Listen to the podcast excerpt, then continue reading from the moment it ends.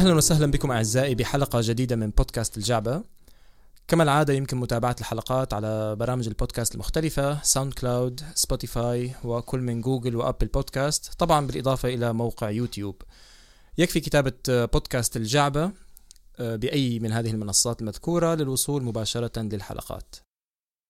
أه بعد انقطاع طويل بحدود الشهرين تقريبا نعود بحلقة جديدة. طبعا السبب هو أعذرونا بسبب يعني ضغط دراسة.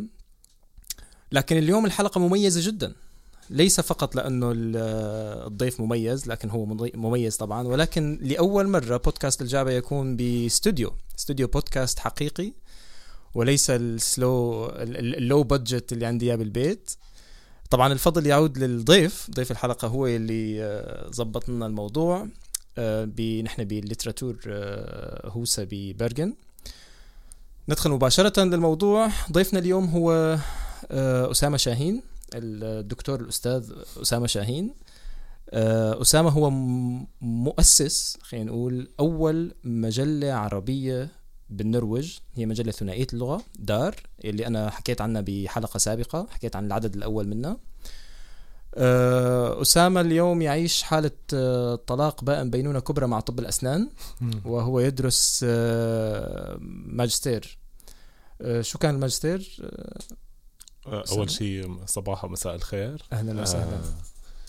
الماجستير هو الصحة العامة والعمل المجتمعي إذا بدنا نترجمها بال يا سلام. للعربي. أحسن ولا طب الأسنان؟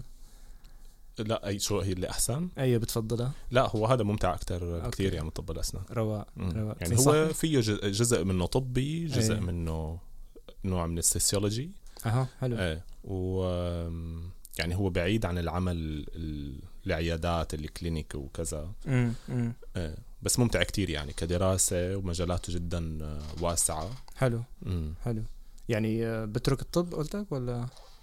هلا هو جزء منه يعني إذا أنت طب كثير تستمتع فيه يعني أيوة. بصراحة. بس هلا أيوة. أنت عندك فحص بعد أسبوع بتخيل شوي متأخر تترك الطب. تمام القرار شوي متأخر حاليا. طيب أنا حابب منك إنه تحكي لنا شوي أول شيء يعني اليوم الحلقة رح تكون بأريحية مطلقة يعني آه، كثير اوكورد الواحد يلتقي برفيقه ويسجلوا اللقاء كمان يعني بس بدنا نحاول نظبطها شلون ما كان. أه بدي منك إنه تحكي لي شوي بالبداية عن دار هيك بشكل مختصر. أه وبعرف إنه أنتم عندكم الأسبوع الجاي الافتتاح. فتفضل يعني المايك معك حرفيا هالمرة. أه. شكرا اشهم على الدعوة الجميلة وصباح مساء الخير للمستمعين. أه فيني أحكي عن حالي أول شيء معلش. طبعا ولو. آه، okay أنا اسمي أسامة شاهين بس مشان المستمعين يصيروا على المعرفة أكثر يعني اسمي أسامة شاهين مقيم في برغن النرويج. جيت لهون من حوالي خمس سنوات وأنا فلسطيني الأصل وبس خلقت وترعرعت آه، في سوريا في دمشق. وطبيب أسنان حاليا بدرس ماجستير بالصحة العامة والعمل المجتمعي. وفي جامعة في أحد جامعات برغن آه بدأت آه مجلة آه دار إذا بدي أحكي باختصار عنها. هي الفكرة الأساسية كانت هو ملاحظتي إنه المهاجرين الكبار شوي في السن يلي ما توفقوا بتعلم اللغة النرويجية كان في عندهم صعوبة في معرفة يعني في العلاقة مع الفضاء حولهم آه، سواء في معرفة المعلومات أو شو عم بيصير بالنقاش السياسي والاجتماعي في النرويج. فخطر لي إنه ممكن يكون في شيء في شيء آه، مطبوع يساعدهم بأنه يكونوا على تواصل مع المكان خصوصا حتى يمكن انه يتواصلوا مع ال social media ما كتير قوي. تمام. بهداك الوقت ما كنت بعرف إذا هي هل تكون جريدة أو مجلة أو أي نوع آخر من أنواع المطبوعات. أه حدثت مع صديق لإلي في برغن أه عماد الوهيبي يلي هو أحد المؤسسين وصاحب فكرة الاسم نعم. والشعار. وفيما بعد تم تطوير الفكرة عن طريق عدة أشخاص يعني البعض ساهم طور الفكرة بأنه صار عندنا website البعض الآخر طور الفكرة من ناحية الترجمة مثل ال website ومصطفى السيد حسين آه، بعدين مهند العبد الله آه، كمان أضاف كتير من ناحية الترجمة بالغزارة اللي عم آه، اللي بنكتب وبنترجم فيها. فهي المجلة ثنائية اللغة. نعم. موقع على ال website هو بيحدث عن شو آخر الجديد بال debate السياسي والاجتماعي في النرويج. بالإضافة لهالشي في المجلة المطبوعة آه، يلي هي مجلة شبه فصلية أربع شهور. م. هاي السنة رح تصدر كل أربع شهور. هو الأمل أنه تصير فصلية كل ثلاثة شهور بالسنوات القادمة لعل ولا عسى كل شهر حتى. حلو. آه، صدر العدد الأول بشهر 12 تحت اسم حجر صحي في المنفى نعم. يلي هو تناول كيف المهاجرين اختبروا الإغلاق المجتمع نتيجة وباء فيروس كورونا آه، بسبب أنه تجربتنا كانت مختلفة شوي عن التجربة النرويجية آه، ما بدي أقول النرويجية لأنه كمان هن بعض الأشخاص المهاجرين هن نرويجيين أو حاملين للجواز النرويجي حسب كل شخص شو بيعرف نفسه بس إن الأشخاص اللي يعني اللي بتهتم فيها الميديا النرويجية ما كانت نحن كتير مهمة بالنسبة لنا حاليا الثلاثاء القادم ما بعرف أنت رح تنتشر هاي الحلقة بس إنه إيه لا بال سريعا سريعا. إيه. أربعة خمسة هو الافتتاح. حفل الإصدار مو الافتتاح. الإصدار للمجلة هو العدد الثاني اللي هو تناول العنصرية. نعم. العنصرية في النرويج أصول العنصرية آه، العنصرية في الوطن العربي وبالإضافة في ملحق آه، خاص باللاتينيين الأمريكيين. آه، من هم من أي بلاد في النرويج؟ يعني ساكنين في النرويج من أي بلاد وعددهم كيف نعم. اندمجوا وكيف ما اندمجوا؟ آه عظيم عظيم. يعني للي رح يسمعوني يعني كمان كونه أكيد أنا بضمن لك رح تنزل الحلقة إذا ما متت طبعا قبل آه قبل الافتتاح. ففي عندي مقالة بهي العدد. أنا جدا أتشرف بهذا الشيء وأشكر بأنه هيك قبلتوا إنه تنحط مقالتي بالعدد يعني. آه خلينا هلا ندخل بالموضوع اللي فينا نحكي. شو عن المقالة. yeah okay. أنا برأيي خلينا نبلش طيب okay فينا نبلش نحكي okay أنت ال moderator أنا ما عندي مشكلة لا بالعكس. آه، إذا بتحب نبلش شوي بالمقالة ما عندي مشكلة. وبعدها إيه. ندخل بالموضوع الأعم.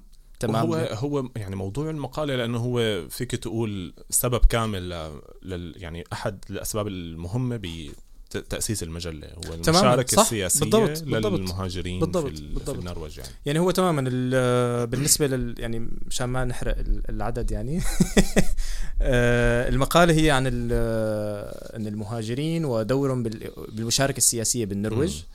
آه، هي كانت آه، إذا بدي هيك أحكي شوي عن ال عن ال آه، يعني القصة الأساسية وراء فكرة المقالة. كان في بعد ما صارت قصة مقتل, مقتل جورج فلويد العام الماضي بأمريكا وصارت يعني صار في أصداء للموضوع بكل أنحاء العالم وفي زخم. فهون بال Litteraturhuset كان في مجموعة من اللقاءات سابقة أساسا للموضوع اللي هي عن طريق Meeting of the Minds فساووا فساووا جلسات سلسلة من ثلاث أو أربع جلسات ماني متذكر تحديدا عن الر... تماما عن ال racism. فأنا كنت محظوظ بإني أحضر تنتين منهم الثانية والثالثه فمرة من المرات أنا سألت سؤال عن الموضوع. كان هو مربوط بالوضع السياسي بالنرويج. آه، تمثيل المهاجرين بال بال بمراكز صنع القرار. بال, بال يعني المراكز العليا لصنع القرار. نحن عم نحكي عن البرلمان أو ال Stortinget يعني وال الحكومة. تمثيل ضئيل جدا. الأرقام لساتها ببالي بتخيل من 169 آه، ممثل آه، بالستورتينجا في عنا بحدود الأربعة فقط من أصول مهاجرة.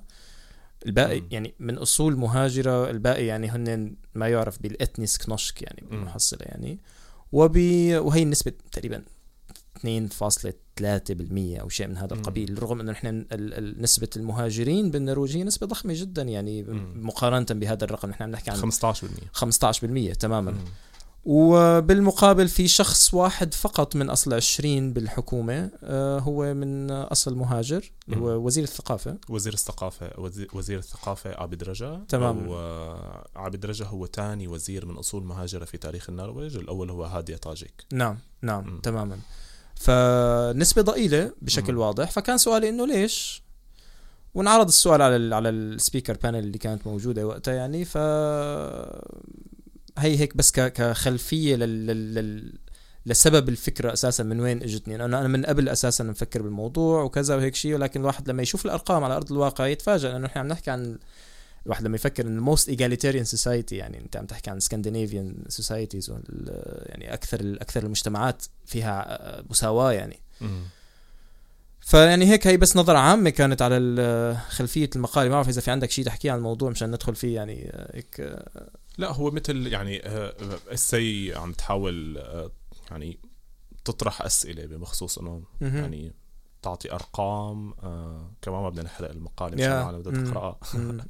آه بس إنه تعطي أرقام إحصائيات عن أعداد المهاجرين. آه في في مقطع كتير رائع بالمقالة هو بخصوص كلمة innvandrer للي ما ساكنين بالنرويج innvandrer هو يعني الأجنبي أو الداخل إلى البلد المهاجر. ف يعني هي المقالة بتتساءل عن شو نحن بنقصد ب innvandrer لأنه ال innvandrer هن يعني topic يومية بالصحافة النرويجية والتلفزيون النرويجي نعم آه، بالفترة الأخيرة كمان زاد ذكر هاي الكلمة بخصوص العدوى آه طبعا آه. إيه، نعم. كلمة مهاجر يعني كلمة إنفندرر آه لحد الآن هي يعني كمان هو نفس الشيء اللي أشهم بتساءل بالمقالة, بالمقالة إنه كلمة انفندرر هل هي تعني الداخل إلى هذا البلد من السويد للدنمارك أو دول أوروبية أخرى أو هو نحن نقصد فيها الاشخاص اللي جايين من الشرق الأوسط؟ إذا بتتذكر نحن آه، بالكورس تبع الكورونا آه، اللي عم نحضره تخيل الأسبوع مو آخر ثلاثة اللي قبله كان في حكي على موضوع إنه مين هن الانفندر وكذا هيك شيء يعني. م. فهن كانوا بشكل واضح عم يحكوا بإنه إنه هو نفس نفس الفكرة إنه إيه إذا بدك ترجع المعنى يعني المعنى المعجمي القاموسي هن الكل. بس على أرض الواقع ما حدا بيقول عن الدنمارك يعني إنه هو انفندرر إيه. ما حدا بيقول عن السويدي, السويدي. ما حدا بيقول عن لأن هن باعداد كبيرة هم كمان يعني. تماما هن موجودين وبكثرة يعني ما إنه لا فهاي النقطة كتير مهمة لأنه والمشكلة مو بس أوكي ممكن الواحد يقول إنه أوكي يعني هدول بنحس اسكندنافيين لا لا القصة أكبر من ذلك م. الأمريكي ما زيادة بيحكوا عنه هذا الشيء البريطاني بال... ال... ال... ال... أكيد كله اسمه innvandrer بس لما تسمع هاي الكلمة انت م. بالعقل اللاواعي تبعك انت فورا م. تفهم آه، إفريقيا آسيا آه، من من هي الأصول يعني ما بعرف حتى يعني بصراحة لأي مدى أمريكا الجنوبية ممكن تؤخذ بهذا المعيار. بس أنا بحس دائما إنه فيها نوع رابط بموضوع اللون موضوع الدين موضوع آه. إنك مختلف. أنا حسيت هي بترتبط أكثر شيء آه، طبعا يعني مثلا اللاتينيين كمان يعني واحدة من المقالات اللي هي عم تعرف باللاتينيين اللي هو الملحق تبع المجلة هلأ. اللاتينيين هي الغالب الكبرى منهم إجوا لأسباب تعليمية إجوا لأسباب آه، ارتباط يعني زواج بشخص نرويجي وفي جزء اجى كأسايلم يعني لاجئين وبالاخص من فنزويلا. نعم. بس مشان هيك نحن ما بنحكي عن اللاتينيين بطريقة انفندرر لأنه هن هيك إجوا بهاي الطريقة بينما الإنفندرر هي أغلب الوقت بنقصد فيها دول مثل العراق وسوريا وفلسطين والهند وباكستان م. وأفغانستان يعني م. الدول اللي اجى منها لاجئين بالنسبة الكبرى بس كمان يعني مو قصة مديح بالذكر للعدد بس هو بال كمان في مقاله بالعدد آه بس قرب المايك شوي عليك إيه؟ كمان في مقاله بالعدد حاولت آه، فيها إنه أحكي شوي عن خطاب Sylvi Listhaug وزيرة الاندماج السابقة. طبعا آه، بس خلفية بسيطة عن الموضوع إنه هو في النرويج ما كان في شيء اسمه وزير الاندماج. بعد قدوم اللاجئين تم تعيين شخص بمنصب جديد اسمه وزير الاندماج. م. الشخص اللي تم تعيينه هو أكثر شخص جدلي في مواجهة اللاجئين والمهاجرين هو Sylvi Listhaug من نعم. حزب FrP الحزب التقدمي اليميني. وكان في إجماع إنه هي الشخص المناسب لهي المهمة. نعم.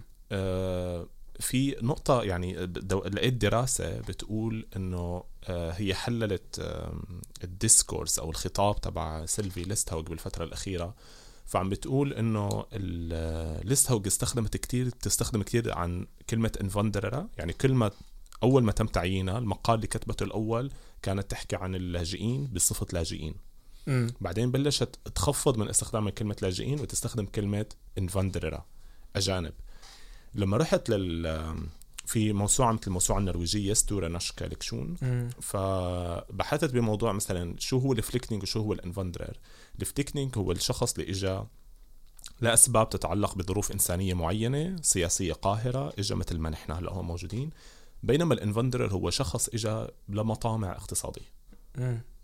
فلما هدول الأشخاص أنا اللي هن بالأساس ما لهم innvandrer بعطيهم صي...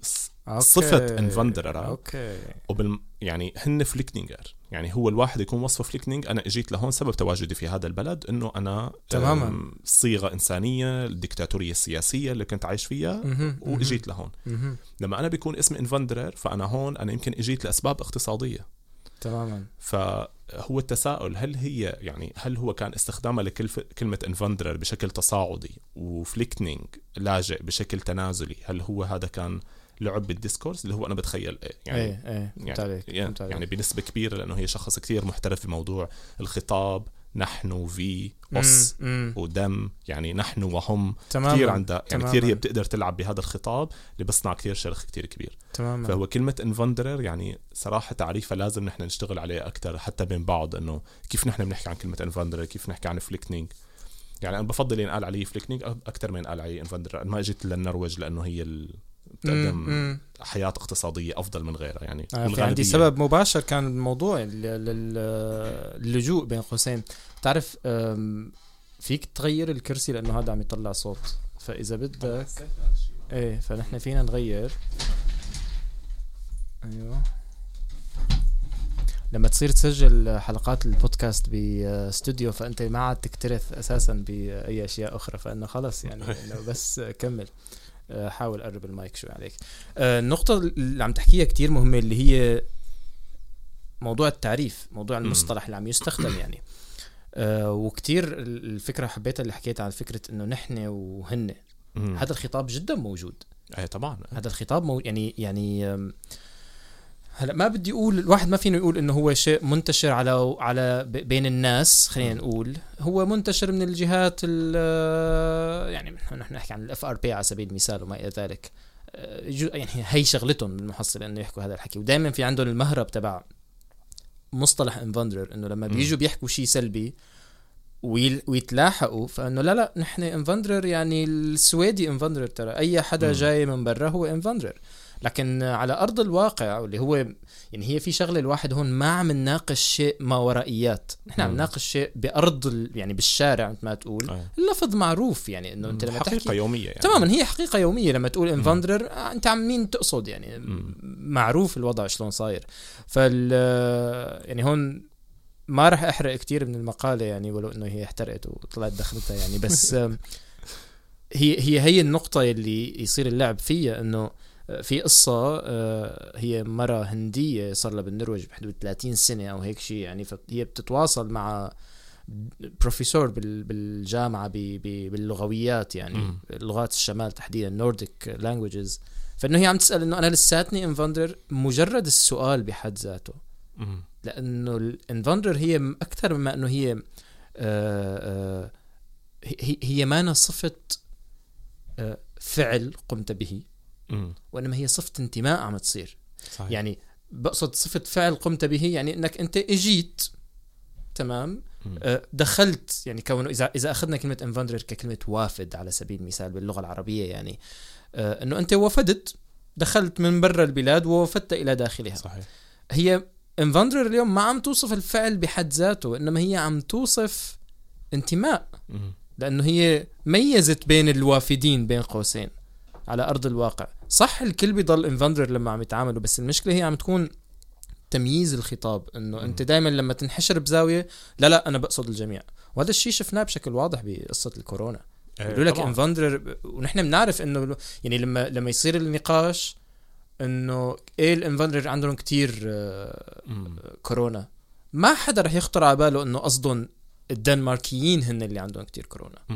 بالتأكيد يعني وهذا الشيء المشكلة تبعه إنه عم يخلق عم يخلق إشكاليات مجتمعية ضخمة يعني. م. أثر أثر معنى الكلمة هو مش بس كلمة ومش الحال لا هو اثرها اليومي هو المهول رح يكون. وخاصة بموضوع الكورونا إنه هو يعني حالة بابليك هيلث عامة كتير يعني طبعا نحن شايفين كيف السياسة عم تتدخل بشكل كتير كبير بموضوع القرار الصحي وال آه، اللي عم بتاخذ بالحياة اليومية هلأ. فأخذ النقاش لحالة إنه الانفندررا بدل ما نحكي نحن يعني هو بشكل طبيعي صرنا مثل ما بنعرف عن هذا الفيروس إنه هو بنتشر ب آه، على سبيل المثال هو بنتشر أكثر بالمناطق العالم ساكنة بطر... ب... مكتظة أكثر الأحياء المكتظة سكانيا آه الأشخاص اللي هن على تواصل دائم مع العالم مثل شوفير الباص وال تماما. التنظيف الخدمات اللي هي مثلا مثل السوبر ماركت. وهي الشغلات هن اللي أكثر المهاجرين بيشتغلوا فيها. بالضبط. فكان في أسباب كتير آه، واضحة يعني. طبعا ما فينا نحسم أي شيء مثل ما هو الشخص اللي عم بيقول إنه هدول الانفندرر هن عندهم هاي العدوى بس بسبب آه عدم التزامهم أو عدم كذا. رغم إنه الإحصائيات بتظهر إنه أكثر شيء مثلا هو مشهورين يعني أكثر شيء عم بيسبب عدوى كورونا هو مثلا اليم فست الاحتفالات المنزلية. بالضبط. يلي هن أصلا أغلب المهاجرين هن ما عندهم. بضمن لك ما بيسووا هن ما عندهم إياها يعني. وهن نعم. موضوع الكحول مثلا كيف اثر هو كمان أغلب المهاجرين كمان ما كان ما عندهم كتير خلطة بالكحول. نعم. آه ففي أسباب موضوعية ممكن نحن نطلع عليها مثلا الأحياء المكتظة سكانيا الموضوع العمل بمهن بتزود مخاطر فيروس كورونا. بس آه، للأسف يعني تم أخذ الموضوع من ناحية سياسية.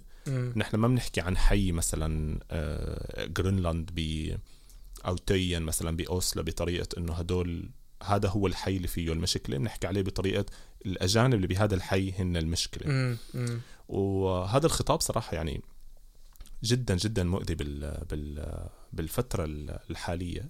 ونفس الشيء هلا شايفين كيف الخطاب عن الهند وباكستان آه والإغلاق وأغلقوا هذا البلد. نحن ما بدنا إياهم أي شيء يفوتوا. ففي عالم عم تحاول تعمل ضربات سياسية أكثر من إنه هي تكون بهدف عن جد إنه نحن ننهي هذا الوباء.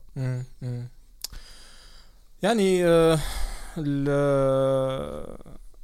يعني بحب إنه بتمنى إنه ال ال ال ال ال اللي عم يسمعوا يحسنوا يوصلوا آخر شيء المجله يقرأوا المقال يقرأوا باقي المقالات. آه أنتم بالعادة بتنزلوا مثل PDF أو هيك شيء ولا شلون؟ إيه في رح يكون في PDF رح ننشره بعد فترة. okay تمام تمام. والحصول عليه رح يكون إنه أرخص من من المجلة المطبوعة بالتأكيد. okay okay تمام تمام. يعني هو بالمحصلة أنا متشوق جدا إني أشوف باقي المقالات بصراحة. آه عم شوف على الصفحة عندكم على الفيسبوك كل يوم عم تحطوا تقريبا مين المشاركين يعني في أسماء ضخمة جدا. مم. أنا أسعد إنه أنا محطوط بيناتهم. آه فيعني لأنه الموضوع ال racism بشكل عام هو موضوع فعلا ضخم جدا. آه. كذا مرة حكينا عن موضوع إنه نحن أساسا كعرب نحن في عنا racism مهولة جدا.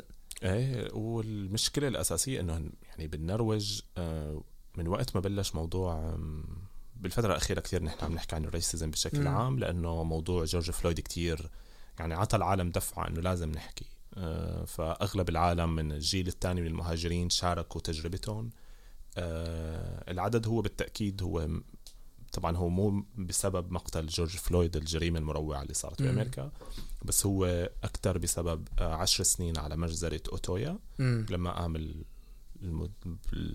الإرهابي أندرس بريفيك بقتل الشباب الناشطين من حزب العمال بجزيرة نعم. أوتويا. وال بالمناسبة أحد الأشخاص اللي جايين على الافتتاح هي كمزي هي سياسية بحزب العمال هي سبحت لما كان بريفيك عم بيقتل العالم بأوتويا هي من الأشخاص اللي سبحوا ونفدوا بحياتهم. نعم. وهي 20 سنة على مقتل الشاب بنجامين هيرمانسون اللي هو لأبوين أحدهم مهاجر. مم. الشاب تم قتله قريب أوسلو آه، يعني النازيين الجدد قتلوه. بعد ما كان في محاولات لقتل واحد تاني بالحي قبل بأسبوعين. فكتير في يعني في مقالات حتى بتتحدث عن موضوع إنه كيف الجيل الثاني من المهاجرين كانوا يشعروا بهداك الوقت بخوف كبير إنه أنا بنجامين هيرمنسون الثاني أنا راح يتم قتلي. yeah. صار في خوف كثير بس يشوفوا أشخاص شكلهم بيشابه النازيين الجدد. كيف عاشوا هاي الحالة المخيفة. وبنفس الوقت إنه يعني رانيا برود لما بتكتب عن هذا هي الظاهرة بال 2001 إنه كيف بعديها صار بعدين 11 سبتمبر. انه كيف العالم رغم إنه 11 سبتمبر هو الشيء ما حصل في النرويج ولكن هو صار يتم الحديث عن الإرهاب بطريقة آه، تخص فئة معينة ونسينا السبب الموجود اللي هو الإرهاب اللي عم بس بتم صنعه من أشخاص اللي هن النازيين الجدد في النرويج. هلأ مقتل جورج فلويد حمس كثير أشخاص إنه يرجعوا يحكوا سيرتهم يرجعوا يحكوا سيرتهم مع العنصرية قديش الوضع كان آه، قديش الوضع كان صعب لهم بالمدارس آه، تجارب آه، مؤلمة كتير. وهي راني إجت على ال meeting of the minds اللي اللي آه، أنت كنت عم تحكي عليه بالبداية. وهي شاركت قصص كتير إنه كيف تم يعني ديسكريميشن كان موجود من وقت البارنهاجة من وقت yeah. رياض الأطفال. Yeah. يعني تخيل أنت شخص عمره أربع خمس سنين بتذكر راني إنه تم قالوا لأنه شايفين لأنه هن ما بتحمموا يعني مثل شغلة إنه أنتم المهاجرين ما بتتحمموا. فهي شخص من عمر أربع خمس سنين كان تعرض للعنصريه بشكل مباشر. ف بس هون يعني أنا هون نرجع للنقطة الأساسية للعنصرية بالوطن العربي إنه الإيجابي هون إنه يعني أشخاص كثير عم بيقدروا يحكوا عن المواقف اللي عم بتصير معهم عم بيقدروا يناقشوا موضوع العنصرية بينما نحن تقريبا الخطاب غايب بشكل شبه كامل. عن العنصرية. يعني نحن بنحكي عليها من ناحية إنه تطبق علينا ما لنا دخل شو اللي عم نسويه إيه ما لنا إيه. دخل شو نحن اللي عم نسويه مع إنه نحن في عنا تجارب عنصرية جدا ضخمة تجارب إقصائية طبعا. سواء باتجاه الاثنيات العرقية أو الدينية الأقليات الدينية آم آم في فكرة إنه يعني ال blackface اللي هو debate كتير كبير yeah. بأمريكا وأوروبا نحن ولا كأنه دخلنا بالموضوع رغم إنه الدراما السورية الدراما المصرية حكت كتير يعني دائما لحد الآن هي بتستخدم ال blackface ممثلين كتير مشهورين مثل محمد هنيدي سمير غانم دائما موضوع ال blackface هو تماما. نكتة بيتم استخدامها آه، نكتة عنصرية سيئة جدا بيتم استخدامها للتقليل من الأشخاص آه، سود البشرة أو أصحاب البشرة الداكنة ف وبصراحة يعني بموضوع العنصرية لما الواحد بيفتح على جوجل بيطلع له نتائج مخجلة باللغة العربية. يعني نحن بس عم ناقش العنصرية في الغرب العنصرية في الغرب وإنما نحن ولا كأنه نحن هون موجودين ولا كأنه نحن في عنا عنصرية بدرجات كتير كبيرة.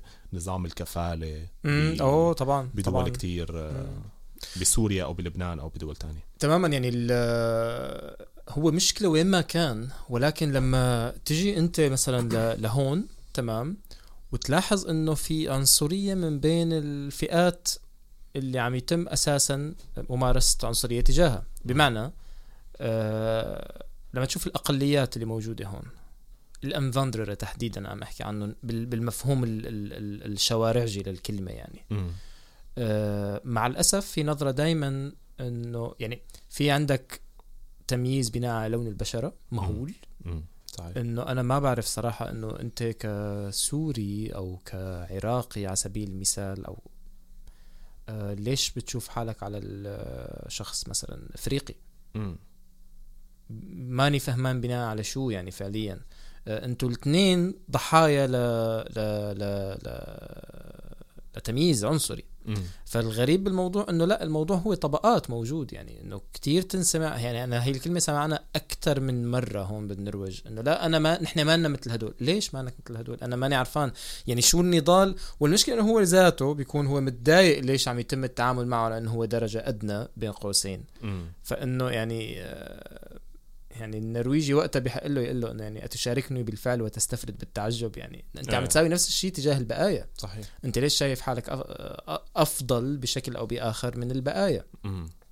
فيعني قد تكون بإراضينا تمام ببلادنا خلينا نقول الموضوع موجود كنمط عام فالناس ما بتحس عليه. م. بس هون آه، إنه أنت أساسا معاني بين قوسين وعم تمارس نفس الشيء. أه رغم تحول الأشخاص لأقلية. تماما إنه أنت أقلية وأقلية كمان عم يتم آه، عم تعاني من هذا الموضوع فأنت عم تضطهد لتحت كمان أكثر بنظرك إنه لا لسه في لسه في أنا أحسن من غيري تمام. عداك عن النظرة الثانية اللي هي إنه أنا أساسا أحسن من الجميع. هاي النظرة شوي بدنا نحطها على طرف يعني. آه بس الإشكالية اللي عم تكون يعني إذا بدك تدور على جذور هيك شيء إذا أخذنا الموضوع من مبدأ آه لون البشرة خلينا نحكي. تمام؟ آه أنت فيك تلاقي جذور بكل حتى دينيا ممكن تلاقي الجذور بالموضوع بصراحة يعني. مم. يعني أنت لما تشوف شغلات عم تحكي لك عن إنه يوم تسود وجوه. تمام؟ أنت دائما في حالة من العقاب المربوطة أو ال ال ال ال ال المصير السلبي مم. وبسواد الوجه. يعني نحن حتى الكلمة العامية اللي بتستخدم عنا إنه إنه سود الله وشك يعني إنه بمعنى إنه يعني آه، تبا لك آه. فالموضوع كتير داخل بصميم ثقافتنا امم وال بتخيل يعني هلأ هو في مرة تانية إنه في كمان مقال بيحكي عن مم. هذا الموضوع عن موضوع العنصرية بالوطن العربي آه وال, وال... بصراحة هو برجع لحتى قبل قبل الإسلام يعني موضوع العبودية وهذا هاي التفاصيل. أكيد. نحن دائما بالأحاديث اليومية بيتم استخدام قصة بلال بن رباح إنه هي لا نحن ما لنا عنصريين. مؤذن الرسول كان أسود البشرة. نذكر مثال هو صار له 1400 1400 وشوي سنة. بالمقابل بننسى تاريخ طويل من عنصرية الأشخاص آه، فاتحي البشرة ضد الأشخاص داكني البشرة إذا ما بدنا نسميه هو البيض والسود مم. لأن نحن بمعيار البشرات نحن ما لنا بيض يعني ما بالضبط البشرة لا. آه. الفكرة إنه يعني هلأ إذا نحن بدنا نيجي للوقت الحديث مثلا ممكن ال colonization الاستعمار كثير منحنا فرص عن إنه الجمال هو الأبيض business كتير كبير موجود بالكرة الأرضية حاليا هو تبييض البشرة عندنا إياه بالوطن العربي بشكل آه، كلياتنا بنعرف كيف تماماً. أشكال العالم إيه. بالأعراس كيف محاولتها لأنه هي تكون بيض البشرة محاولتها لأنه تكون صاحبة شعر سبل آه، لأنه إحنا معايير الجمال لأنه هو أساسا العنصرية هي business يعني مشان هيك هي أصلا صعب محاربة العنصرية لأنه هي business يعني يومي آه، في شركات بتستفيد من العنصرية في خطاب بيستفيد من العنصرية في جزء من يعني دائما لما نحن في عنا جمل بنحكيها بالخطاب اليومي آه، حلوة رغم إنها سمرة أو رغم إنها سوداء مثلا سوداء البشرة. آه، بنحكي مثلا آه، آه، شو شايفين فيه حلو ما هو أسود؟ يعني هذا دائما بتلاقيه اللي بعدين إنه يعني بتطلع أنت بتطلع على الدراما بتطلع على السينما بتشوف مثلا مثل ما حكينا مثلا محمد هنيدي كان بيقول إنه المرأة هي ماتت من وراء وشك الأسود أيوه, أيوة. هاي التفاصيل اليومية اللي هي كتير مؤلمة اللي هي بتخلي الشخص لما يجي لهون وبيكون هو صار بنفس الوضع آه، بحس حاله هو بحالة الخطر يعني أنا حسيت أنه الأشخاص يمكن هو ما بيكون يمكن عنصري بالبلد الأم بقدر ما إنه لما بيجي لهون وبتصير أنت بتعيش مع هدول الأشخاص بال mottak مثلا على سبيل المثال آه، مركز اللاجئين. مم. فبتشعر إنك أنت معناتها على نفس السوية معهم فأنت بتحاول قد ما فيك تصير إنك أنت أفضل منهم أنت أعلى منهم. فسواء التجربة بالموتاك أو سواء التجربة ببرنامج ال intro. آه يا صح. فببرنامج ال intro صح. كمان هن المهاجرين اللي نحن بالنسبة لل... لل... للأشخاص اللي هن صاحبين مركز القرار نحن بالنسبة لنا لهم package وحدة يعني تماما أيوه. أنت سوريا ولا العراق ولا الصومال ولا إريتريا أنت بالنسبة لهم package وحدة. وهو بصراحة نحن package وحدة يعني نحن أسبابنا وحدة للقدوم لهون على النرويج. نعم. يعني ما بتخيل في واحد من وقت ما فاق على هاي الدنيا سوري أو اريتري كان حلمه إنه هو يعيش بالنرويج. لا تمام. إذا عارف على الخريطة وين موجودة أساسا يعني. ف كان في محاولات مثل ما بنقول حثيثة يعني من الأشخاص بال mottak بال intro. هون هو حس حاله إنه هو على عم بنحط على نفس الخط فهو بيحاول دائما إنه يتميز. ودائما الواحد ليش بيحاول يتميز؟ يعني بيحاول يحط من البقية بحيث إنه انه هو يثبت إنه هو مختلف عنهم. على سبيل المثال يعني آه، أحد الشغلات اللي أنا يعني برأيي هي تستحق الدراسة ظاهرة تستحق الدراسة الدراسة الدراسة دراسة. عادي. عادي. أحد الشغلات اللي تستحق الدراسة هي مثلا الارتباط أو التزاوج العلاقات الزوجية مثلا بين السوريين أو مثلا بين البيض العرب والصوماليين إذا هيك نسمي فاتحي البشرة العرب. أنا ما شفت لحد الآن حدا بيرتبطوا مثلا بهاي الطريقة. نحن مثلا في في مشكلة حقيقية بالزواج بين المهاجرين من سوريا نعم. آه، اللي وصلوا بالفترة الأخيرة خصوصا إن هن الغالبية شباب. بس أنا ما بسمع مثلا لما العالم عم تحكي بتقول إنه أوكي إنه ما بيفكر بي ما في بين خياراته أساسا هذا الشيء. ما في نعم. بين خيارات أو بالعكس يعني سواء البنت أو الشاب يعني ما في يكون نسبة الخيارات أنا برايي يعني هذا في شيء جزء منه برجع لموضوع العنصرية. كتير مثلا في عالم بتقول لك إنه نحن ليش هيك عم بيحكوا معنا؟ كأنه نحن ما عندنا شيء ببلدنا. شو مفكريننا من اريتريا إنه في خطاب مزعج. يعني بصراحة نحن كأشخاص لازم نلاقي له آه، حل. لأنه يعني نحن أشخاص نشعر بالاضطهاد شو هو. نحن مم. نحن أقلية. نحن نشعر بالاضطهاد شو هو. بنشعر قديش التمييز على أساس البشرة أو الإثنية أو الدين أو اللا دين أو أي شيء هو تمييز جدا مزعج بيأثر على الأشخاص بحياتهم اليومية. فعن جد هو ظاهرة لازم نحاربها نحن. يعني نحن نبلش من أنفسنا. طيب هون آه عندي سؤال آه كون وصلنا لهي النقطة يعني. آه، نحن ما بنقول إنه لازم نحن نحاربها بأنفسنا لازم نحاول نوصل رسالة ما. وسائل توصيل الرسالة لناس نحن أقليات موجودين بالمهجر. أحد هاي الوسائل هو مجلة مثل دار مم. على سبيل المثال.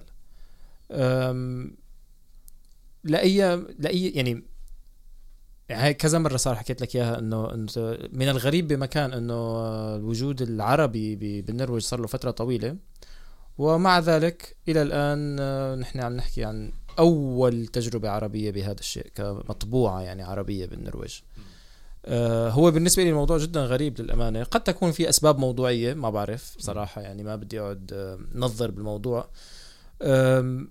ولكن تعتقد هلا لسه كونه لساته العدد الثاني لسه بكير شوي يعني بس آه، لأي مدى تعتقد إنه مطبوعة بين قوسين آه، ممكن توصل رسالة كتير توصل رسالة خلينا نقول لعموم العرب أو الناطقين بالعربي خلينا نقول نتجاوز كلمة العرب للناطقين بالعربي اللي موجودين بالنرويج إنه شو شو قصدك. يعني هل. هل هل الناس أنا ما بعرف لأي مدى مثلا آه، انتشر العدد الأول. هلا لسه بعرف إنه لسه من الصعوبة بمكان الحكي عن هاي المواضيع. الواحد بده على الأقل يقول جربت سنة كذا عدد. آه، وصلت الأفكار ولا ما وصلت. ال- الناس أخذت الأعداد اشترتها احتوتها آه، قرأتها على النت حتى لو. هل تعتقد المطبوعة حاليا بعد نحن جايين من بيئاتنا هل المطبوعات كشيء ورقي مجلة م- جريدة أو كذا أو هيك شيء. هي قادرة فعلا على ان هي تشكل وعي عام أو أو تشكل رأي عام أو تغير من ال من مم. التصرف العام العربي اللي موجود هون بالمهجر بالنرويج. بتمنى هالشيء إيه. يعني آه، هلأ يعني أنا لاحظت بفترة آه، بالفترة الأخيرة إنه يعني التجاوب على العدد الأول كان كتير كتير رائع. حلو وسواء من الناطقين بالعربية أو الناطقين بال بالنرويجية مم. الدعم كان من ال- من الطرفين كثير أشخاص حابه تساهم بالموضوع حلو. موجودين يعني دار موجودة بعدة مكاتب هلأ صارت بالنرويج مكاتب حلو. بأوسلو المكاتب حلو. العمومية يعني أه، كتير منهم عم بيشتري العدد وبتخيل. هذا العدد أصلا كتار رح يمكن يحبوا يعني هو المكتب العام بتحط عنده عدد أو عددين والأشخاص اللي بيحبوا يقرأوا بيروحوا لهنيك بيقراوا وبعدين يعني. بتركوا بتضل هنيك عظيم تقريبا كل مكاتب برجن موجودة فيها دار العدد الأول ونفس الشيء عملوا اشتراك بهاي السنة. أه بتخيل إنه يعني هي ليش ممكن إنه تقدر ترفع الوعي العام باتجاه بعض ال... باتجاه بعض الأمور؟ هو بالتاكيد يعني العالم أكيد هي عندها وعي عام كثير كبير. لا لا أكيد تماما. هي طرح مو... هي نحن عم نحكي عن. طرح مواضيع تماما. نعم. أه بس لا مثلا موضوع مثل العنصرية أنا بحسه هو مو موضوع يعني العنصرية ب أه، بالبلاد العربية أه، الرهاب مثلا حتى خلينا العنصرية الرهاب من المثلية الجنسية كمان ال- الاعتداء على حقوق المرأة. بحس أن هي كل هي التفاصيل تختلف بصيغتها النرويجية أو الأوروبية عن صيغتها بالبلاد العربية. نعم. أه بتخيل نحن يعني نحن بمرحلة هلأ أنه نحن لازم نطرق الأبواب اللي بتخوفنا. نحكي عنها آه، موضوع مثل الموضوع العنصرية هو ما شرط إنه هو معركة بين السيئين يعني الصالحين والطالحين يعني هو مو معركة بين الأشخاص الجيدين والسيئين. نعم. في كتير أشخاص آه، مثل ما قلنا هو الانطباع العام المزح اللغوي اللي هن ما بيعرفوا إنه هو عم بيأثر بأشخاص آخرين. فهو موضوع إن إحنا بنطرق هاي الأبواب ونبلش نحن نفتح موضوع العنصرية. شو هو؟ ليش هيك نحن عم بصير؟ شو هي الشغلات اللي نحن فينا ننتبه لها؟ وشو هي الشغلات اللي لازم يعني ندير بالنا لما نحكي تماماً. مع الأشخاص الآخرين. بينما هي حالة مختلفة جدا عن الحالة العنصرية بصيغتها النرويجية اللي هو شخص كل يوم عم بسمع عن العنصرية بس هو عنصري عن سبق الإصرار والترصد. آه يا تمام. يعني مثل الفيديو اللي شفناه من يومين عن واحد عم بقتل آه، شاب آه، بألمانيا. هاي عنصرية عن سبق تماماً. الإصرار والترصد هذا مو إنه ما بيعرف معلومات أو أي شيء. طبعا نحن في عنا حوادث آه، اعتداء عنصري يعني اعتداء على واحد أسود الركض وراه بال- بالشارع يعني أنا من سكان دمشق مثلا بعرف مثلا كنت أزور منطقة برزة هي فيها صوماليين فكان في عالم تلحق الصوماليين مم. آه، تعيبهم بلون البشرة آه، بس آه، أنا قصدي إنه بالخطاب اليومي هو العالم بحاجة إنه لازم تعرف إنه في مزحات في شغلات معينة هي ما ما بصير الواحد يمزح فيها. موضوع ال blackface هو لازم موضوع ينتهي. تماما أيوه. ولساته نحن عنا إياه عم بتكرر. يعني يعني الأشخاص مثلا آه، رئيس الوزراء الكندي إنه هو مستعمل ال blackface بحفلة تنكرية بالجامعة من يمكن من 20 سنة طلع واعتذر عن الموضوع. نحن لازم هلأ لازم نعمل موقف حاسم. نحن لازم نوقف موضوع إنه الكوميديا من الوجه الأسود الشخصية الشخص داكن البشرة أسود البشرة اللي بيشتغل بس البواب مم. بالأفلام. آه لازم عن جد يعني نبلش نفكر بالموضوع بطريقة تانية نصلح من أنفسنا. آه ومثل يعني نفس الشيء بينطبق على رهاب المثلية الجنسية اللي هو. مثلا يتعلق بنقص المعلومات أكثر من إنه هو يعني نحن الحالة الدكتاتورية اللي كنا عايشين فيها نقص معلومات اللي نحن عايشين فيها هو اللي عم بيخلينا إن نحن ما نفهم بعض أكثر. نعم. أنا أشك يعني نحن في سوريا ال ال يعني إذا بدنا نروح شوي لموضوع الطائفية السني بيعرف كثير قليل عن الدرزي والدرزي عن الآخر. كان في شغلات يعني بالخطاب العام غريبة إنه هدول ما بياكلوا كذا وهدول مم. بيعملوا كذا وهدول بيصلوا بيعبدوا أبصر شو. يعني كان في كتير شغلات بسبب الدكتاتوريه كنا نخاف نطرح أي سؤال. فهلأ أنا برأيي يعني فينا نستخدم الفضاء العام بطريقة مختلفة فينا نستخدم حرية الرأي. مم. يلي نحن رقم واحد بحرية الصحافة بالعالم. بالنرويج أحد الدول الرائدة بحرية الرأي ال ytringsfrihet طبعا قبل مرة حكينا أنا وياك إنه ما في حرية مطلقة بالتأكيد ما في حرية صحافة مطلقة وكذا. نعم. بس طبعا لا لا مجال للمقارنة بين حرية الصحافة في سوريا والنرويج. لا لا يمكن يعني ولا حرية الرأي. شوف BTW إنه كأنه النرويج اخذه المرتبه الأولى. واحد. رقم واحد. Yeah. سوريا أخذت رقم واحد من ال... بالعكس. بالعكس حرية الصحافة. بس يمكن لا سوريا رقم ثلاثة من تحت بس واحد عربيا. إيه نعم هي واحد عربيا ثلاثة نعم. بالسلم الاسوء عربيا مشان آه يا ف يعني فينا نستخدم هاي الشغلات عن جد لنبلش نطرح الأسئلة الصعبة وبعدين يعني نفتح النقاش لعدة لعدة أمور. ف يعني هذا العدد أكيد هو ما ما بينهي العنصرية ولا بيناقشها بكل مم. اشكالها مم. بس هو إذا فيني اسمي إنه العنصرية وعاء يعني يمكن هذا بيفتح الغطاء.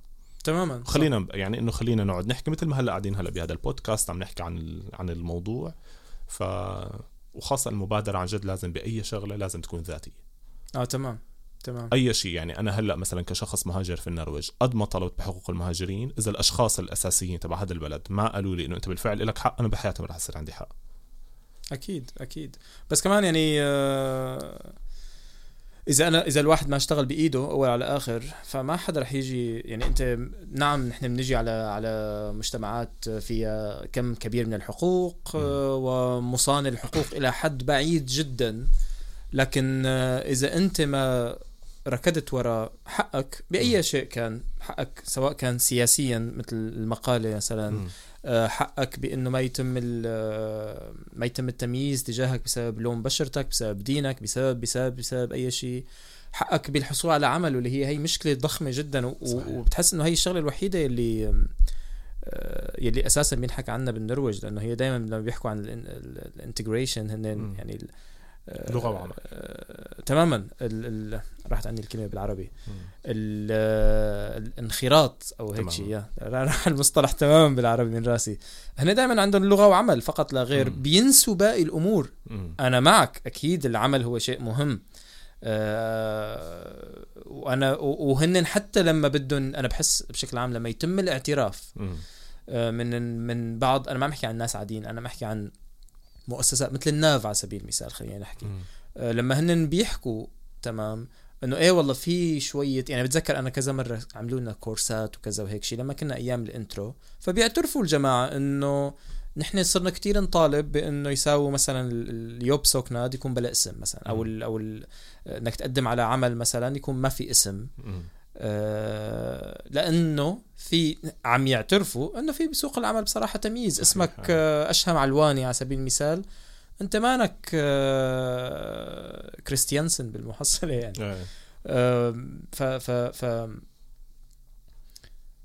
الإشكالية اللي موجودة إنه إذا أنت كمهاجر. ما إجيت وحكيت أوكي أنت عم تاخذ حق كبير من عندك بس إذا بدك حق مثلك مثل أي حدا تاني كونك أنت عايش ببلد يسمح لك يكون لك من حيث المبدأ التنظيري على الأقل إنه يكون لك ذات الحقوق بدك تطالب فيها. صحيح. فوجود شيء مثل آه، حركات مثل نمط آه، حركات ثقافية أو أو تجمعات أو أو أو بودكاستات على سبيل المثال م. هي شيء جدا ضروري طبعا بس إذا رجعنا مثلا على على موضوع حكيته أنت اللي أنت فيك تبدأ. المحصله هي ما مجهود شخص واحد. بالشكل الطبيعي دار فيها تفتح ال ال ال الباب لنقاش عدة مواضيع ولكن آه. السؤال يطرح نفسه باب كمنتج ثقافي ليبرالي. آه لأي مدى هو مقبول بأفكاره الليبرالية مم. من الوسط المهاجر. مم. يعني إحنا عم نناقش مواضيع من مثل مواضيع ال- المثلية الجنسية مواضيع مثل مواضيع المرأة دور المرأة حقوق المرأة. مم. آه، مواضيع من حرية الاعتقاد وما إلى ذلك. آه، بالمحصلة نحن كسوريين على على أقل تقدير يعني نحن ناس جداد بال- بالهجرة والتنقل وما إلى ذلك. آه، إلى الآن نحن ما صارت في عنا إشكالية الجيل الثاني من المهاجرين ولأي مم. مدى هدول آه، بيشبهونا كجيل. أول سواء دينيا سواء عادات اجتماعية سواء سواء سواء فالسؤال هون اللي دائما بيخطر على بالي بصراحة لأي مدى نحن كمهاجرين عامة المهاجرين بيتقبلوا الخطاب الليبرالي هل عندك أه، تخوف بأنه مثلا دار كمنتج ليبرالي هي ممكن ما تلقى صدى عند عامة الناس ولا أنت عم تشوف إنه لا بالعكس الناس تغيرت لما طلعت لهون صار ممكن مم. تتقبل أفكار أكثر ليبرالية آه بس بدي أرجع لم- شوي لورا. قبل السؤال كنت عم تحكي عن موضوع السكندات يا إيه آه، هديك المره كان في آه، هي شخص كتير آه، يعني صديقتي هون في برجن كانت عم تحكي عن موضوع العنصرية. قالت طيب الواحد إذا حذف اسمه بعدين دارس بعدين كشفوا إنه دارس مثلا بالجامعة الإسلامية في تماماً. غزة. طب هذا شو بده يساوي؟ ف تماماً. كمان هو أحد المقالات تناول موضوع إنه اللي هو نحن ما بنحكي فيه ابدا نتيجة نحن ما بنحكي بالعنصرية. عفوا فنحن خطابنا ما تطور. بالعنصرية. فهلا يعني نحن بأوروبا بالنرويج حاليا بتم البحث بلش يتم البحث عن ال micro aggression الاعتداء المجهري ال micro aggression آه، اللي نحن أصلا واجهنا صعوبة بترجمته بدار لأنه ما ما في له مصطلح تماما معين مقابل بالعربي. شو هو ما له مقابل بالعربي. اللي هو ظاهرة هلأ عم بيتم كتير يعني دراستها إنه حال الطلاب الجامعيين كيف عم بيشعروا بالإقصاء بالجامعة المهاجرين أو مثلا حالة العمل يعني هو الشخص مثلا ما أنا بقدم اسمي أسامة على شغل هو ما بتصل فيني بيقول لي أنا ما قبلتك لأنه اسمك أسامة هو بس ببساطة بمسك وبشيل السكناد على جنب إنه أنا ما بدي أقبل. هذا الشخص اللي اسمه أسامة مم. فحالة الاعتداء المجهري هي حاسة يعني حالة كتير ضروري نحن نناقشها لأنه مثل ما قلت ال- آه، الاعتداء المجهري هو بطريقة إنه تضلك عم تطلع يعني هن بيعرفوه بطريقة إنه أنت تهمل الوجود الأشخاص مم. وببعض الحالات إنك أنت يعني مثل ما نسميه نحن البحلقة إنه أنت إيه. بتطلع بالشخص بطريقة إنك أنت بتشعر إنه هو فيه شيء غلط. واللي هي هي نحن حالة عنصرية نحن بنمارسها ب بدرجة كتير كبيرة في البلاد العربية تجاه الأشخاص سود البشرة. نعم. فهو كتير مهم بهذا ال... بهي الشغلات إنه إحنا قد ما طورنا النقاش عن العنصرية نقدر بالفعل إنه نناقش موضوع مثل الاعتداء المجهري بس هو يمكن قبل بدنا نرجع ستيب لورا ونناقش الموضوع العنصرية المباشرة اللي نحن مرات. بنمارسها. بما يخص إنه نحن آه، هلا مثل ما قلت لك قبل مرة أنا بخاف موضوع كلمة الليبرالية فبما يخص موضوع انفتاحنا على أفكار الجديدة بحس بصراحة إنه إحنا بعد ال 2011 آه، بعد الربيع ال- الربيع السياسي واللي بدأ اللي هو كان هدفه الأساسي هو تغيير سياسي. نعم. شعور بالظلم السياسي اللي نحن عايشينه في سوريا في مصر في البحرين في آه، تونس واليمن آه، هي البلاد اللي بدأت فيها بهذاك الوقت. كان في يعني هي يمكن الأنظمة قدرت تلعب على الثورات السياسية اللي صارت سواء بسوريا والمد اللي عم بيصير تبع النظام بالمناطق آه، واستمراره لحد الآن يعني مم. أو بمصر بحكومة السيسي الجديدة اللي بتخلي العالم تقول آم، مبارك كان أهون علينا آه، أو الحالة الليبية يعني في عنا حالة في حالة فشل نعم، سياسي نعم. نوعا ما يجب الاعتراف فيها بالأغلبية من دول الربيع العربي يعني. إيه في حالة فشل سياسي نعم. بأغلب الدول بس الفكرة أنه نحن اللي غيروا الربيع العربي من عام 2011 آه، هو حالة اجتماعية بتجرؤنا على مواضيع ما كنا نحكي فيها. قبل. يعني أنا شايف السوشيال ميديا اللي الكل بنتقدها آه، بنتقد تواجدها عنا بال إنه كيف غيرت حياتنا وكذا. أنا بشوف كثير غيرت حياتنا للأفضل. آه، على الفيسبوك على الكلب هاوس بما إنه اشهم نعم. من مدمنين الكلب هاوس نعم. فعلى الفيسبوك على الكلب هاوس بصراحة أنا عم بسمع نقاشات بتخيل لو نحن لساتنا متواجدين مو قصة إنه متواجدين في سوريا حاليا لأنه هنا الأشخاص موجودين في عدة دول نعم طبعا بتجرأوا على هاي الأسئلة. بس هو فكرة لو نحن متواجدين بالوضع اللي قبل ال 2011 آه ومشت السنين فينا كان في أسئلة كتير كبيرة. نحن هلأ طارحينها نحن ما كنا آه رح نقدر نطرحها. عم بحس أنا إنه الأشخاص تجاوبهم مع المواضيع اللي بتطرحها دار اللي هي علمانية بحتة. يعني الأساس يعني الأساس في دار هو يقوم على تقبل الآخر. بما أنه نحن نطلب من الآخر تقبلنا فنحن لازم نتقبل نتقبل الآخر. فكرة أنه نحن الهوية الفردية هي جدا مهمة. وعم بحس أنه يعني التجاوب جدا كبير. العالم عم تتجاوب مع موضوع أنه بالفعل الحريات الفردية ما في خطاب مثلا إقصائي أو عنيف ما ما حسيت في هيك شغلات ما في عالم انتقدت حتى هاي التفاصيل إنه نحن مثلا أه، تقوم السياسة على تقبل الآخر وحرية الآخر وحياته حياته الفردية. أه، فمشان هيك يعني أنا بحس إن إحنا فيك فينا كثير نعول على هاي الأمور نتيجة غضب العالم من الظلم السياسي والاجتماعي اللي كانوا م. عايشينه قبل. نعم. وعم بحس أنا في تقبل أكثر للحرية الفردية. اللي نحن عم نعيشها إنه أوكي هذا شخص أنا ما بتفق معه بأفكاره بس أنا في النهاية ما راح أمارس ضده أي نوع من أنواع الاضطهاد أو أنواع العنف سواء اللفظي أو أو الجسدي. آه فكرة مثلا كمان مثلا على موضوع ال... يعني بحس العالم كثير عم تقدر آه، تحكي موضوع الهويات صارت بطريقة أفضل سواء الهويات اللي هي الباسبور والجواز السفر الهويات الهواوي. تماما. هو مثلا الهويات الجنسية العالم عم تقدر تحكي بهاي المواضيع بطريقة أفضل.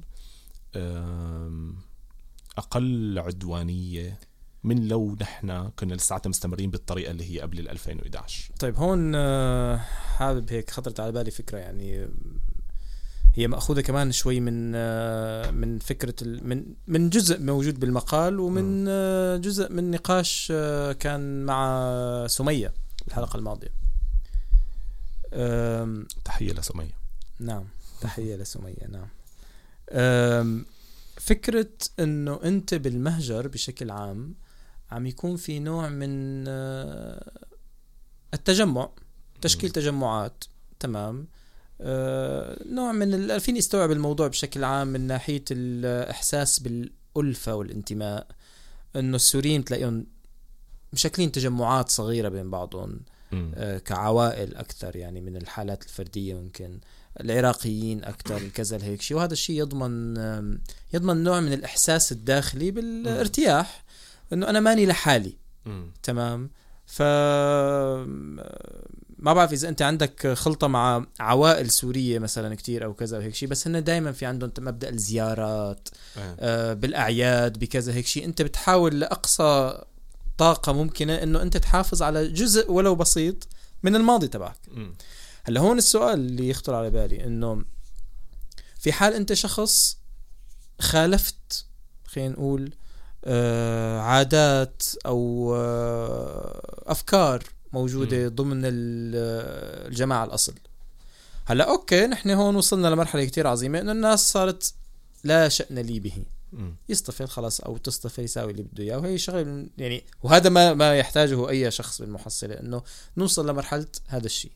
لكن هل تعتقد إنه في خطر بانه يصير في نوع من هيك الاكسكلودينج يعني إنه أنت ما عدت تشبهنا فأنت ما عدت مرحب بك بالهيك الببل الصغيره تبعنا.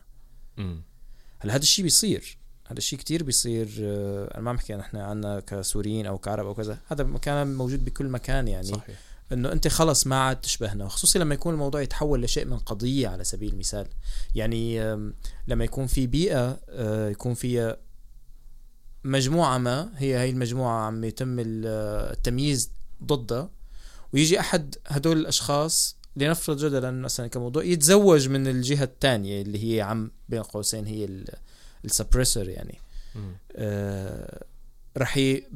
باقي أفراد الجماعة إنه أنت خنتنا أنت خنت الجماعة أنت طلعت برا من عنا أنت ما عاد تنتمي لنا يعني. وفيك تعمم هذا الشيء بصراحة ما بعرف ما بعرف لأي مدى فينا نعمم هذا الشيء على مبادئ من نمط العادات المجتمعية من نمط الاعتقادات الدينية من نمط آه، بنت شالت الحجاب على سبيل المثال. ف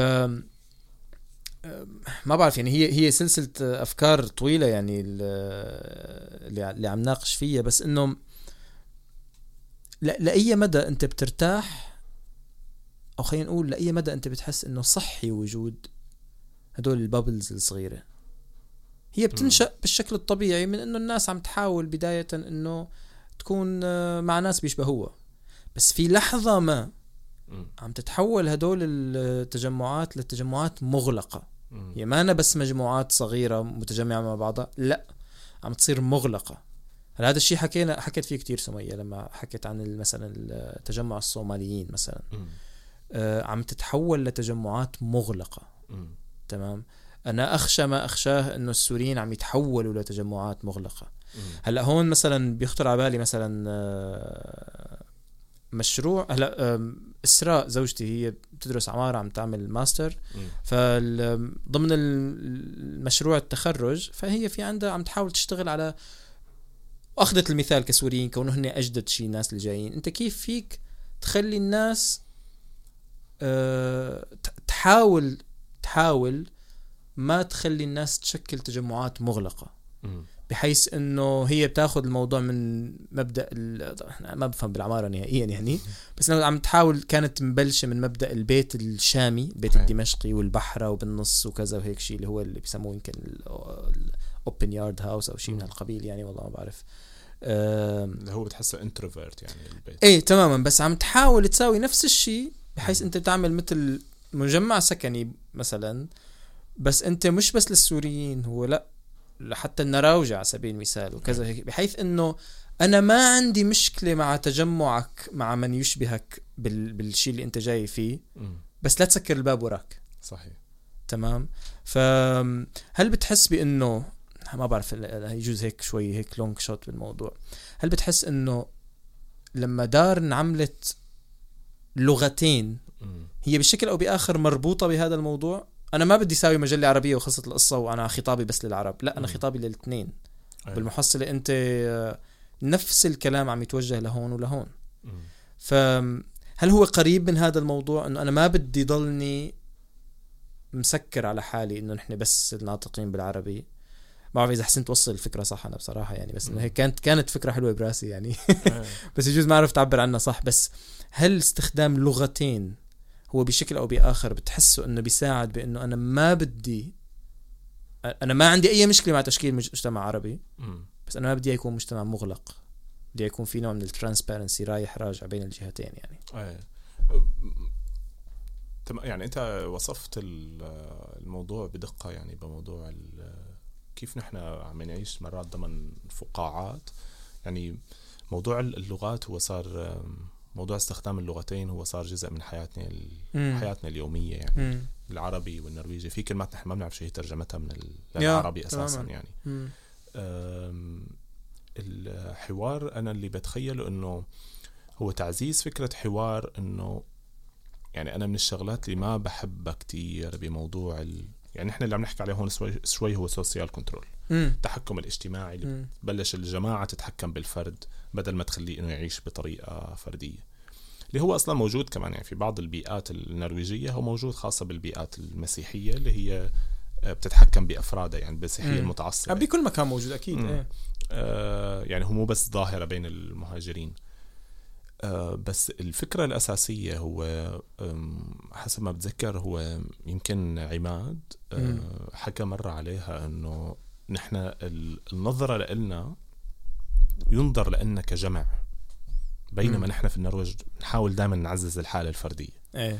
يعني الانديفيدواليزم هي فكرة كتير مهمة عميقة متجذرة بالفكر النرويجي كل شخص هو حر كذا بس لما أنا بنحكي مع هدول الأشخاص المهاجرين السوريين أنا بطلع عليهم ك... كجماعة كجماعة وهذا الشيء هو اللي عم بيخلي مرات الأشخاص هي تكون بالفعل جماعة لوحدها. لأنه الشخص لما بيطلع وبنتقد الجماعة بيقولوا له أنت أوكي أنت هلأ عم تطلع معناتها أنت بدك تصير أبيض مثلهم على سبيل المثال خلينا ناخذ سيان هي حالة آه. حالة حالة شاذة بالمجتمع النرويجي نعم. هي ما لها نعم. حالة عمومية هي حالة شاذة وما كثير لها مناصرين للأمانة آه بس سيان الخطاب اللي عم تعمله هو بيخلينا نحن ما نقدر نجدد الخطاب الديني لأنه أي حدا بيطالب بأي تجديد بيقولوا له أنت مع سيان يا بيخلي الموضوع يصير صعب على الفقاعة إنه أي شخص يطلع منا لهي الفقاعة تماماً. بيخلي الفقاعة كمان تصير أقوى وأقوى. يعني أسمك إذا بدنا نقول مم. آم، بالحالة اللي نحن بتطلع عليها للمهاجرين هدول كلياتهم السوريين يعني هلأ أنت كشخص إذا بتقول لحدا إنك أنت سوري بال ال unconscious bias هذا تبعه فورا بياخذ عليك كل هاي الأفكار. تماما. آه، لأنك أنت مين أنت؟ شو هو اللي بتشربه واللي ما بتشربه واللحوم اللي بتاكلها وكل هاي التفاصيل. بينما هو لازم يفكر فيك بطريقة فردية أكثر بس هو صار خلص الواحد متعود إنه هذا السوري هذا هيك السوري هذا العراقي هذا هيك العراقي. مم. أم، عم بتخيل أنا إنه الفكر النرويجي مرات عم بيساهم بهذا الشيء اللي هو مرة يمكن حكينا عليها أنا وياك إنه بحس أنا إنه نحن ما عندنا diversity بمعناها ال diversity للنرويج نحن عندنا multiculturalism يعني. ال multi ال multicultures اللي عندنا نحن عن جد عندنا مجتمع multicultures هو متنوع الثقافات بس ما بيعامل الفردية بالثقافة بيعامل الثقافة ك package وحدة. نحن كتير قليل مثلا كأشخاص لقائنا بالثقافات الأخرى حتى في النرويج. لقائنا مع الباكستانيين كتير قليل. أوه طبعا. نعم. كسوريين باكستانيين. نعم نعم. سوريين أفغان. اللقاء بين الثقافات جدا قليل لأنه إحنا أصلا عندنا صور مسبقة صرنا مم. عن هدول الآخرين فأنا كل واحد صار قاعد بفقاعته هو ال- الشخصية.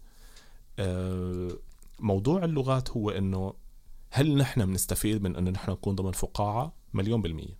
نحن في عندنا فوائد شخصية فوائد فردية. يعني الفقاعة هي هي اللي هي العائلة الأسرة المجتمع حول الواحد بوفر له الدعم النفسي نعم بوفر له مثلا فرص بطريقة معينة آه، بوفر له حالة اطمئنان في المنفى لأنه الواحد يحكي لغته يحكي حلو مثلا الواحد يتناقش مثلا يعني نحكي مثلا لمدة نص ساعة عن المعلقين الرياضيين وجيه آه، الشويكي تماماً. مثلا خلينا. نقول نضحك عليهم مثلا نص ساعة يعني في شغلات أنت في ذاكرة مشتركة بين هاي الجماعة حلو الواحد يضل عم بنشطها نعم. يعني أنا بحس أنا ماله من الصحي إن أنا مثلا بس أقابل عالم نرويجيين وماله من الصحي إنه بس أقابل عالم سوريين. أيوه تماما. فلازم الواحد إنه يعني في شغلات كل مجموعة بتقدم لي شيء يعني بالنسبة لي كإنسان ولتواجدي بهذا المكان ال- الجديد. هاي الشغلات هاي الفقاعة أنا بحسها يعني نحن كشخص يعني نحن كجماعة بنعمل دعم نفسي كتير قوي. نحن ما عندنا تعقيدات إنه نحن لأعتبر شخص صديقي بدي سنتين ثلاثة مثلا على الطريقة امم تماما النرويجية طبعا ما بدنا نعمم كمان نحن ما بدنا نكون معممين عن الأشخاص الآخرين 99.9 نعم. بس في صعوبات مثلا بالنسبة لهم الاعتبار إنه مين هو my friend ومين هو الشخص ال colleague وهي الشغلات تماما. أه بحس إنه هي الفق... فهي هي الحالة بتقدمها الفقاعة هي مهمة فنحن ما لازم ما نخلص هاي الجماعة من دعمها لبعضها. ما في داعي أنا أقول للمهاجر ابويك غير جيدين بس مشان أنا أكسبه باتجاهي. اللي هي هي حالة مثلا حكينا عليها بالعدد الأول يحيى حسن. يا. اللي هو شخص حاولت كل جماعة تاخده لطرفها والإنسان إنسان ثوري إنسان رائع. يعني إنه خلص إنه إنه قال لهم إنه حلوا عني. يعني أنا مالي هيك وما ب... مالي بس هيك ومالي بس هيك. أنا أنا الاثنين سوا وأنا حتى غريب عنكم وغريب عنهم.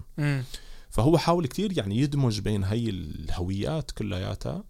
آه، بنفس الوقت هو حابب مثلا إنه مثل أي شخص مثلا واحد بحب إنه أسرته ظريفة بتعتني فيه بتدير بالها عليه أصدقائه الحميمية. في عندنا حميمية بالعلاقات أنا بفضل انها تضلها موجودة آه، كأفراد كأصدقاء. بس بنفس الوقت الخطر إنه الفقاعة تصير تتحكم بالشخص وبخياراته. بس هو كل ما زاد الاكسكلوجن من من الجماعة الكبرى تماما إيه كل ما بتحس الف- الفقاعة جد إنه هي بحاجة بعضها يعني كل مثلا ما قلت فرص العمل في المجتمع برا رح تزيد فرص الفقاعة لبعضها إنه بتوفر شغل لبعضها. بصير شغل بالأسود مم. اللي هو أنا ما بتخيل إنه يعني لو أشخاص كان صاحح لشغل نظامي بمرتبات نظامية تدفع ضرائب كان بتروح أكثر من إنه تشتغل بالأسود اللي هو 20% من الدخل وما في ضامن لشيء نهائي وما في ضامن. صحي ما. في ضامن مرضي ولا للمستقبل مم. فبحس ممكن إنه هو يكون باللغتين إنه يعني هو يعني فكرة إنه يعني من الواحد بتطلع بالمجلة بيشوف إنه هي انعكاسه. يعني هي انعكاسها بلغتين عم تحكي عن هاي الشغلات. ما فيني بس أحكي عن المواضيع باللغة العربية ولا فيني بس أحكي عليها باللغة النرويجية. ما في شيء بيخلي موضوع معين إنه هو بس نحن نحكي عليه بلغه واحدة تجاربنا الإنسانية بالسوريين أو العراقيين أو اللبنانيين والفلسطينيين تجاربنا الإنسانية جدا غنية نحن بحاجة أنه نفرجيها للشخص الآخر وبحاجة كمان أنه هذا الشخص الآخر يشاركنا بهي التجارب ويكتب معنا مم. يشاركنا آراءه بموضوع مثل العنصرية نشوف شو رأيه لهذا الطرف الآخر و عدا عن هيك بحس أنا كمان أنه دراسة هي هذيك مرة شفتها إنه الواحد باللغة الثانية والثالثة والرابعة كل مرة بتقل العنصرية عنده. بقل عامل. العنصرية. إيه عن جد. آه إنه بصير أقل عنصرية تجاه الآخرين. آه يمكن حكيت لك هذا المثال قبل إنه أنا لما كنت آه، بروسيا فأول مم. ما وصلت كنت أحكي مع العالم بالإنجليزي. هاي كانت انجليزيتي يمكن أربعة من عشرة خمسة من عشرة. أنا جيدة نوعا ما و... بس أكيد أفضل من اللغة الإنجليزية تبع الروس فبعدين لما بلشوا يحكوا بال بعدين لما تعلمت روسي صرت أحكي معهم بالروسي اكتشفت إنه هدول الأشخاص نفسهم أشخاص آخرين. نعم. وفي أشخاص مثلا أنت بتظهر لك إنه يعني في هذا نوع من الإخاء وال الهجة ببلة هذا أيوة. الواحد بيعيش فيها باللغة الثانية والثالثة والرابعة. بعدين بتطلع في أنت كلمات بتخليك إنه تخليني أعرف أنا مين نفسية الشخص من أول لحظة. مم. فبحس كمان إنه هذا الشيء ممتع يعني الواحد أنا بالنرويجي أنا بعاني شوي لحتى أعرف إنه مو بعاني بس أنا بدي وقت شوي لأعرف مين هذا الشخص شو أفكاره شو كذا. بالعربي يمكن الواحد بيفرق أول فوراً. 20 ثانية إيه، خلص إيه. بيحكي كلمتين ثلاثة بتقول okay تمام. هذا الشخص بتعمل له فورا فلاتر جاهزة يعني. مم. مم. يعني آه، هو هون بس كونه حكينا على موضوع ال- الفقاعات المجتمعية وتشكيل المجتمعات الصغيرة وما إلى ذلك يعني آه، هون كمان يعني مثل ما حكيت أنت الواحد ضروري بالمحصلة يكون آه، ياخذ ياخذ الموضوع بنظرة حيادية. نفس الشيء اللي كنت كاتبه بالمقالة. أنا بالمحصلة إنه قرأنا أسباب المقالة. ها كأنه هيك لازم. إي نعم. هلا أنا ما بعرف إذا ب... إذا فيني بعدين آه، أقرأ المقالة بعد ما تنزل يعني. هي هذا الموضوع بنناقشه بعدين أنا حقوق. نشر. في حقوق نشر أوكي. بس دائما يعني لكل قصة في جهتين. فيعني تشكيل المجتمعات المغلقة هو. أكيد ليس فقط بسبب مسؤولية المهاجرين. في كمان عوامل من المجتمع الأكبر هي اللي عم تسبب ولكن هو دائما أنا بحس إنه هو الواحد يجب أن ينظر على الزاويتين النظر على الموضوع بزاوية واحدة رح. لأنه إذا أنا بدي أنظر دائما إنه آه هدول المهاجرين هيك هدول المهاجرين هيك okay بس يعني هو الواقع العملي قد. ما عم يساعدهم أساسا مثل ما حكيت يعني. إذا أنا ما عم لاقي شغل فبشكل الطبيعي رح تلاقيهم آخر شيء آه، بين قوسين فتح محل. مثلا وخلص أنا المنتجات اللي عندي هي منتجات اللي بياكلوها العرب ويشتروها العرب على سبيل المثال وانتهى. الموضوع أنا ال business تبعي كلياته بهذا بهذا ال- المجال يعني ف يعني هي شغلة من الشغلات اللي بتذكر يعني آه، كان في نقاش بيني وبين أحد الأشخاص إنه بيقول لك دائما انتبه إنه في نسبة كبيرة من مننا بتصير تشتغل بالعمل الخاص إنه خيو أنا ما عاد في عنده نوع من الإحساس إنه أنا ما عاد مستعد إني أنا أدخل أساسا بسوق عمل. أنا ممكن يكون عم نرفض عليه بس بسبب اسمي صحيح. فبتلاقي إنه هون دائما المخرج آه، هو إنه بتلاقيهم بس وصل لمرحلة فتح شغله الخاص مم. آه، طبيب بيفتح عيادته الخاصة. صحيح. آه، شركة آه، تاكسي مثلا أو محلات أكل أو أو أو أو ما إلى ذلك يعني. م- بصراحة ما فيني أفصل الموضوعين مم. عن بعض. صحيح. هي ما أنا بس رؤية سياسية رؤية عفوا اقتصادية إنه إيه والله الشغل الخاص أحسن بفتح لي مطعم أو كذا أو كذا. الموضوع فيه له متجذر بصراحة. موضوع الانتماء للجماعة يعني. تماما تماما يعني إنه تيجي تقول لواحد إنه أوكي ليش ما اشتغل بين قوسين؟ ليش ما. اشتغل بالناف؟ ليش ما اشتغل بالكومونة مثلا. ما هو بالغالب ما عم يتاح له يجوز هذا ما الموضوع. بتح- صحيح. يعني رغم إنه هي نقطة جدا مهم إنه إنه يعني آه، تطرح على الجهة المقابلة. بتذكر من فترة كنا قاعدين وصار حكي كان آه، مهند هو اللي يمكن وقتها حكى. كتير مهم مثلا كونه كونه ذكرت الناف على سبيل المثال. كتير مهم إنك تشغل حدا بالناف تمام؟ من هدول يلي وافدين بآخر 10 15 سنة آه، مشان يعرف يتعامل مع الناس البقايا. أنت عم تلاحظ في نوع من آه، بالغالب يعني اللي موجود بالنرويج بيعرف هذا الشيء أحيانا كثير بتلاقي إنه موظف الناف اللي عم تتعامل معه أو بالإنترو على سبيل المثال معزول تماما عن واقعك. ولا حسنان هو يفهم واقعك ولا رح يحسن أساسا إنه يفهم واقعك يعني ف جدا غريبة هي النقطة بس الفكرة بتصفي إنه إيه مشان هيك تلاقي الغالبية ما ما بعرف ما بعرف إذا فيني أقول الغالبية على الأقل اللي شفت غالبية اللي أنا شفتهم الناس عم تتوجه آخر شيء للأعمال الخاصة. آه، أسهل مضمونة ما فيها وجعه راس بين قوسين ما في ما عم تتعامل مع حدا غريب بين قوسين و... والبزنس موديل تبعك لا تقائم على إنه أنا اللي رح يجي علي بالأغلب هن جماعتي. فيعني وهذا الشيء شفناه كتير بك... يعني ما عم أح... مو بس نحن كسوريين أو كعراقيين أو كفلسطينيين لا لا حتى اللي صار لهم قبل بكتير هن عم يتوجهوا لهي الشغلات يعني. لذلك هون الشغلة مهمة إنه أنت تكون الخطاب تبعك للجهتين. أنت ما فيني خاطب بس المجتمع ال- نحن كونه عرب المجتمع ال- الناطق بالعربية لا أنا بالمحصلة كمان أنت كنرويجي في لي حكي تجاهك. لذلك أنا يعني يجوز يجوز أه، المقال اللي كتبته كان كتير. هو أنا كتبته وتعمدت كتابته على إنه هو يكون إحادي الجهه هو اللي ممكن يقرأه بدون آخر سطر بس. هو إنه أوه هذا شخص بس عم يقول إنه السبب هو المجتمع المضيف. السبب هو المجتمع المضيف. هلا أنا حطيت ديسكليمر آخر شيء مشان ما حدا يجي ينط لي ويحكي لي هذا الحكي إنه خلص لكل قصة في. في وجه وجهين يعني. بس آه، منصة مثل دار أنا بحس كتير ضرورية إنه تورجي هذا الموضوع أنا كتير أحيانا بحس بإنه نظرة ال- الوسط النرويجي تمام؟ إنه خيو هن هيك عازلين حالهم وانتهى الموضوع. لا لا إنه هن ليه عزلوا حالهم من الاساس فكر بالموضوع ليش عزلوا حالهم. إلا ما يكون أنت كمجتمع نظيف لك دور بالموضوع. لذلك يعني لنرجع للنقطة الأساسية فكرة اختيار لغتين. ما بعرف أنت القرار تبع اختيار اللغتين كيف كان؟ لأنه فعلا نقطة كتير مهمة. أنا ما فيني أوجه خطابي لجهة واحدة وخلصت القصة يعني. كتير كتير مهم هذا الحكي. وفكرة ال- المهاجرين يعني آه، مثل ما قلنا إنه هي دار ثنائية اللغة. بس بأغلب الخطاب يعني بنحاول نوقف أكثر مع المهاجر. امم لأنه هو شخص هو حرفيا يعني هو كل الدنيا عليه. يعني هو شخص يطلب منه يعمل ال... يعمل يعمل المعجزات. فهو الشخص المفروض آه، آه، بده يتعلم اللغة بده موضوع الإندماج نحن دائما عليه بنحكي عليه بصيغة أحادية الجانب. في موضوع كتير بتعاني منه الطلاب اللي هي بتصير بتستخدم الجامعة على أساس إنه هي مكان للمحاضرات بس نتيجة عدم انتمائها للجماعة آه نعم. في مواضيع كتير مهمة بتخيل إنه يعني لازم ينحكى عليها بطريقة إنه في واجب اجتماعي من أشخاص من ال- الأكثرية إنه هي تحاول مثلا تعزيز مشاركة الأشخاص الآخرين. نحن بنحكي مثلا موضوع الكسل في في العمل وفي الخيارات الجامعية. مثلا موضوع الكسل في العمل إنه إحنا هدول الأشخاص اللي ما بيشتغلوا. بس أنا هل في سؤال؟ هلأ من جديد بلش ينطرح إنه أوكي هذا الشخص قدم 100 و150 مرة على سكندات حرفيا أي شاب بتلاقيه جاي من سوريا بآخر كم سنة يمكن مقدم أقل شيء 100 مرة على نعم. شغل. نعم.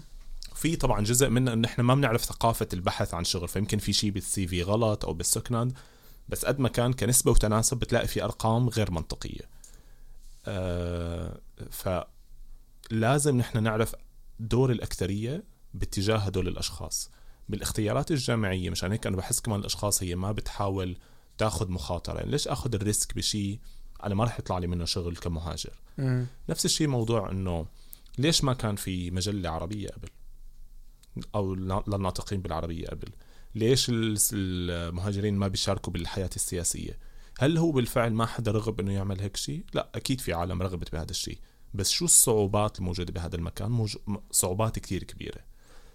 نحن بناخذ الخيارات الأسهل. هنا طبعا هي مو سهلة بالتأكيد بس هي الخيارات التقليدية اللي هي إنه الواحد ياخذ تمريض يدرس شيء له علاقة. بالصحة لأنه. هن اغلبهم مهاجرين. بتحاول الأشخاص تدرس بتلاقي إنه أوكي أنا بعرف هدول الشلة شلة سوريين كلياتهم عم بيدرسوا هاي الشغلة فخلص خليني أنا كمان أدرسها. لأنه هي رح توفر لي فرصة عمل. بفتح مطعم على سبيل المثال. مم. آه ليش أفتح مجلة؟ يعني أنت تماما. الموضوع إنه يعني في مخاطرة كتير كبيرة. آه بده عالم شوي مجانين. يعني يعني آه، يعني مثل هذا الأسبوع الماضي كنا عم نشتغل قبل الليلة اللي قبل الطباعة. هي كتير ليلة بتوتر. لأنه هي في التدقيق على الحرف وكذا وبجوز كمان بالنسخ واللصق الواحد لأنه بنبعت النصوص لعماد وبعدين عماد بنسخها وبلصقها بالتصميم. إيه. ممكن الواحد ينسى فقرة. آه يا أوكي. يعني ممكن تنسى فقرة أنت إذا ضاعت فقرة بالمقال إن شاء الله ما يكون ولا فقرة ناقصة من نصك يا بس آه، إنه هي ليلة كثير بتوتر. فكنا هيك عم نطلع أربعة ونص الصبح طلعت بمهند عملت لي نحن شو الله جابرنا؟ يعني إنه ليش قاعدين نحن أربعة ونص الصبح بال weekend قاعدين عم نشتغل بهيك قصة واقرا هاي وكذا و تماما. يعني توتر كثير ضخم مم. و يعني كمان انت كمان ببعض الحالات تكون مستهدف. يعني انه okay انت شو هذا اللي عم تعمله؟ انت كيف هيك عم تحكي؟ آه، فإنه الواحد ليش ياخذ هذا ال risk وخاصة إنه هو مجالاته جدا قليلة تمويلاته كتير قليلة لل... لل... للدعم وكل هاي التفاصيل. بالحياة السياسية شو هو ممكن يوصل الشخص مم. بالسياسة النرويجية؟ يعني فبقول لك إنه أنا بكل هذا التاريخ في اثنين صاروا سياسيين آه وصلوا للوزارة. بالستورتنجا هن كتير قلال مثل ما أنت طرحت بمقالك فانه أنا ليش آخذ أضيع وقتي؟ لأنه هي شغلات موضوع السياسة يعني بياخذ كتير وقت ودخله جدا قليل. طبعا. يعني أغلب الشغلات هي تطوع لحد ما توصل لمرحلة معينة تبلش تصير مثلا تاخذ إنك أنت يرجع لك بعائد معين. وما آه. حيكون العائد الكبير أساسا يعني حتى لا ما رجع يكون. هالعائد الكبير أه مثلا نحن بالمجلة عم نشتغله كلياته تطوعي بشكل نعم. مجاني. نعم. فأنت بتطلع هيك إنه أنت بقى شو عم بيطلع لي من هذا الموضوع؟ فخلص أنا خلي هيك الدنيا وأنا بروح للخيارات الأسلم. مم. ف شو كان السؤال؟ ما بعرف. بس لا يعني إيه، آه، هو إنه كيف نحن ال... نحن ما لنا أحرار 100% يعني ما عم بحس إنه نحن عن جد أحرار بقراراتنا بالشغلات اللي عم نقدر ناخدها. في جزء منها بتعلق بطريقة التفكير الجمعية الموجودة بس في جزء منها كتير بتعلق بأنه نحن كيف الأكثرية عم بتحاول. أنه تفرض علينا خيارات معينة بالشغل بال... بالدراسة بطريقة تصرفنا بالحياة باستخدام ال... ما بتسمى المرافق العامة نعم. الجامعة كل هاي الشغلات إنه نحن كيف عم نستخدمها؟ نحن عم نستخدمها وفق طريقها بتناسب يعني تخلينا فت بطريقة معينة لهول الموجودة عند الأكثرية. حلو حلو. أه، هون السؤال خلينا نقول يعني بوعي أو بدون وعي من الأكثرية؟ آه لا طبعا في وعي أوكي مم. لا طبعا أنا بتخيل في في وعي كبير أنا لأنه ال... يعني هن قصدي إنه مشان تنفهم الفكرة إنه أنت مرسوم مثل ما تقول مرسوم لك هذا الحوض أنت فيه مم. هل هذا الحوض تم رسمه بوعي منهم إنه أنت خليك هون مم. ولا بلا وعي منهم إنه لا أنا بفضل كون مع كذا فهمتني أكيد مم. شو قصدي يعني آه، هلأ ما فينا كمان نحسم الجواب مليون بالمية بس بتخيل إنه أنا بتمنى إنه هو عن لاوعي. يا. لأنه اللاوعي فيك تغير. فيك أيوه. فيك تغيره. فيك تحكي مع هدول الأشخاص. فيك تغير وجهة النظر الموجودة. بس أنا أشك يعني بهدول الأحزاب. يعني في أحزاب يمينية معينة. مم. يمينية. تذكروا الكلمة. أيوه. في أحزاب آه، ما بدنا نسمي مين هي عم يعني خطابها اليومي أنا بدي هدول يعني keep you in your toes. يعني آه، خلص تماماً. أنا بدي أخليك طول الوقت أنت عم بتفكر بتواجدك عم بتفكر إنك أنت كيف ماشي بالشارع كيف أنت بالباص آه كيف عم تحكي مع ابنك بالبيت. كيف خايف إنك تترجع على بلدك؟ آه تماما. آه في هلأ آه من آخر فترة أحدهم لهدول السياسيين مشان ما نسميه اللي هو شخص ذكرنا اسمه بأول نص ساعة. بإمكانك العودة للاستماع نعم فهذا الشخص أو هي آه، كانت عم بتقول إنه هلأ هي بدها تبلش بقانون جديد إنه إذا أولاد المهاجرين ارتكبوا جريمة فلازم يتعاقبوا الأهالي يعني نوع؟ من إيه. إنه إنه مثلا أنا أنت مثلا مين أبوك اشهم علواني فأنت مثلا بال شو مثلا إن... شو اسم ابنك ممكن يكون أو إنه اسم لا على. إكس إكس علواني ارتكب جريمة بال 2055 فهن مثلا بيروحوا مين ابوه هاد؟ اشهم علواني عاقبه لإله لأنه العمى. ما عرف يربيه. العمى. إنه في شيء يعني إنه يعني أنت يعني أنت بي فاشيزم على يعني أنت عمرك 60 70 سنة قاعد بتختك بالبيت فأنت ما عم يعني أنت ولا عامل شيء فجأة بكون ابنك ما مثلا. عرفت تربي ابنك. إيه. ما بعرف ما دفع يمكن بطاقة الباص فهن بيروحوا بدفعوك يمكن لها غرامه أنا ما يسمع بهي القصة فهو يعني هي حابة تخليك إنك أنت تفيق وتنام وتحلم بس بموضوع إنه أنا مهاجر أنا ما فيني أعمل شيء. وبالمقابل رئيسة الحزب السابقة لهي الشخص نفسه لما كان في مثلا في بنت محجبة طرحت عليها السؤال ثلاث أربع مرات بأحد المقابلات قالت لها هل أنت بتقولي إنه أنا نرويجية؟ البنت هي خلقانة بالنرويج ومحجبة. مم. تجنبت الجواب عليه بالثلاث مرات ما جاوبتها أنت نرويجية. هي تنفع عنك يعني هي تنفي عنك تماما صفة النرويج. تماما. طالما ما إنك أنت جاي من هدول البقاع اللي هن سماها قبل ترامب shithole countries تماما. طالما انك أنت جاي نحن يعني بين إيه قوسين يعني سوريا مم. منها إيه. آه، طالما إنك أنت جاي من هدول ال- البقع الجغرافية أنت شخص لازم تضلك قلقان على تواجدك قلقان على هاد فهدول الأشخاص أنا بتخيل هن عن سابق الإصرار والترصد استغلوا موضوع الكورونا بشكل كتير كبير آه. آه، من المعيب يعني كان أن موضوع الكورونا نحن نحكي عليه بهاي الطريقة بموضوع إثنيات وأعراق آم، فهدول الأشخاص هن بتحسهم هن مهمتهم هن قائمين يعني قائمين على خوفنا. هلا هذا الموضوع اللي عم تحكي عنه آه ذكرني بالفقرة الأخيرة اللي لسه ما حكينا عنها بالمقال فخلص نحكي عنها ومشي الحال يعني. اللي هي فكرة آه يا جماعة اشتروا العدد. أيوه. فكرة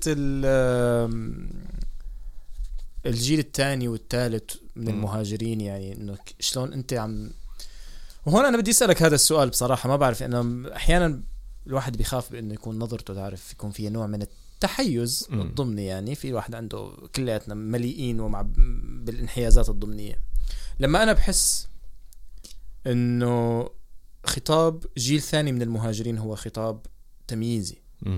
وهن بين قوسين أساس بالنرويج غيروا الموضوع وبطلوا يسموه آه، andre andre generasjon innvandrere sånn آه، نوشك فوتا انفاندرينجز باك جراوند أو هيك. شيء يعني إنه نرويجي المولد لآباء غير. طيب أنت لساتك عم تعتبرني ماني ماني بيور نرويجي مم. هل الواحد يكون مبالغ إذا حس إنه هذا فيه تمييز؟ هذا هذا المصطلح الذي يسمى هلأ الاس اس بي الموقع السنترال ستاتستيك سنترال بيرو. هو هذا المصطلح اللي يستخدمه نرويجي المولد مم. لأبوين مهاجرين مم. هل هذا آه. تمييز هلا في في طريقة علمية للتعامل مع الأمور يعني مم. مثلا بتسميات يعني تسميات SSB بحد ذاتها ما بتخيل إنه هي هي اللي نحن لازم ممكن نقلق منه كتير يعني في تسميات علمية لل يعني أنا بالنسبة لي كتير مهم إني أنا أروح مثلا على موقع ال FHI وأشوف مثلا إنه نسبة العدوى بين العراقيين هالقد. هو معهد الصحة العامة. معهد الصحة العامة النرويجي. فما مثلا نسبة العدوى بين العراقيين هالقد واللي ماتوا مثلا هالقد مشان نراقب ظواهر صحية معينة. نعم. مثل هذيك المرة إذا بتذكر بالكورس أنا قلت لهم يعني إنه نحن بنخاطب ال... نحن ال risikogruppa بنعرفها بإنه هي اللي فوق الستين بينما نحن أو فوق ال 65 حتى مم. ال risikogruppa النرويجية اللي هن ال- المتقدمين في السن نحن عنا متقدم يعني نحن قلال كثير من السوريين اللي تجاوز عمر ال 65 سنة معرفتنا للعمر تختلف نعم. فمشان هيك نحن بحاجة مثلا إنه هدول الأشخاص اللي جايين من سوريا اللي كذا نراقب نراقب ظواهر صحية معينة عندهم وخاصة نحن بنختلف عن البولنديين وغيرنا لأنه نحن لاجئين نحن مقيمين هون بشكل ثابت. ال- الصيغة الاجتماعية اللي هي بعيدة عن الصيغة العلمية بهاي الشغلات آه، الصيغة الاجتماعية اللي بنحكى فيها اللي هي بتنفي النرويجية تبع الجيل الثاني أو حتى النرويجية تبع الأشخاص لمجرد لونهم لأنه الصعوبة مع الهوية النرويجية أنه هي هوية تتعلق باللون. نعم. يعني هو الشخص الأسمر حتى لو اعترف فيه الشخص المجتمع النرويجي إنه هو نرويجي لما هو بيسافر لبرا العالم ما رح تصدق إنه هو نرويجي. آه طبعا. آه. يعني هي هي. في هي يعني صعوبة كامنة أصلا بالهوية النرويجية. هي تختلف عن الهوية الفرنسية والإيطالية وغيره. يعني هي هوية ترتبط باللون بشكل كتير كبير الإسكندنافية بشكل عام. تماما. آه الصعوبة بموضوع ال- ال- الحالة الاجتماعية إنه يعني لازم نحن نحارب نحارب عن جد إنه نحن كأشخاص نحن نملك الحق بإطلاق على أنفسنا صفة نرويجي أو لا. امم أنا كشخص أنا كيف بحس؟ أنا كأسامة أنا فلسطيني سوري. هل أنا نرويجي؟ أنا بالجواز هلأ نرويجي مع جواز نرويجي. هل أنا نرويجي؟ صراحة كتير من عاداتي يعني بالشغلات اللي صرت عم بعملها فيها نروجة يعني إنه نعم. هذيك المرة أنا ضحكت كثير إنه إحنا بال clubhouse عم نحكي بال uke kalender. يا صح مزبوط. كلياتنا حكينا فيها لأنه نحن السبعة مقيمين في النرويج خلص صار متعودين عليها إنه هي ال uke kalender. العالم الثاني بتقول شو هي؟ يعني أنتم بالأسبوع 33 شو بتقصد ما هذا حدا الشيء؟ في شغلات كتير الواحد بيحكيها. مثلا أنا أخوتي بألمانيا في شغلات بين بعض صاروا هن بيعرفوها هي ألمانية يعني جزء منهم كتير صار ألماني. مم. الفكرة أنا ما بدي أحارب لحتى أنا أكون نرويجي أنا مالي نرويجي. يعني أنا أي حدا بيسألني أنت أسامة من وين؟ أنا طبعا فورا بقول له أنا فلسطيني سوري أنا مالي نرويجي. في كم قصة عندي يعني إنه. أنا مقيم في. النرويج وكذا وبتبع القوانين النرويجية بس مو أكثر من هيك. في حالة إنه بس أنا لازم يكون من حقي انه أنا إذا جاء بالي أنه حالي نرويجي لازم يكون هذا حقي. آه تمام. والشخص اللي هو جيل تاني هو مثلا حقه مثلا يقولوا له يعني هذا اللي عم بيخلي هلا صعوبة تسأل العالم من وين أنت. هلا أنا كمهاجر بحس حالي إنه عادي أنا فيني أسأل أي حدا من وين أنت. يعني. ما لا اعتبر عنصري. إيه تماما إيه. إيه فمثلا بسأل حدا من وين أنت بيقول لي إنه أنا نرويجي.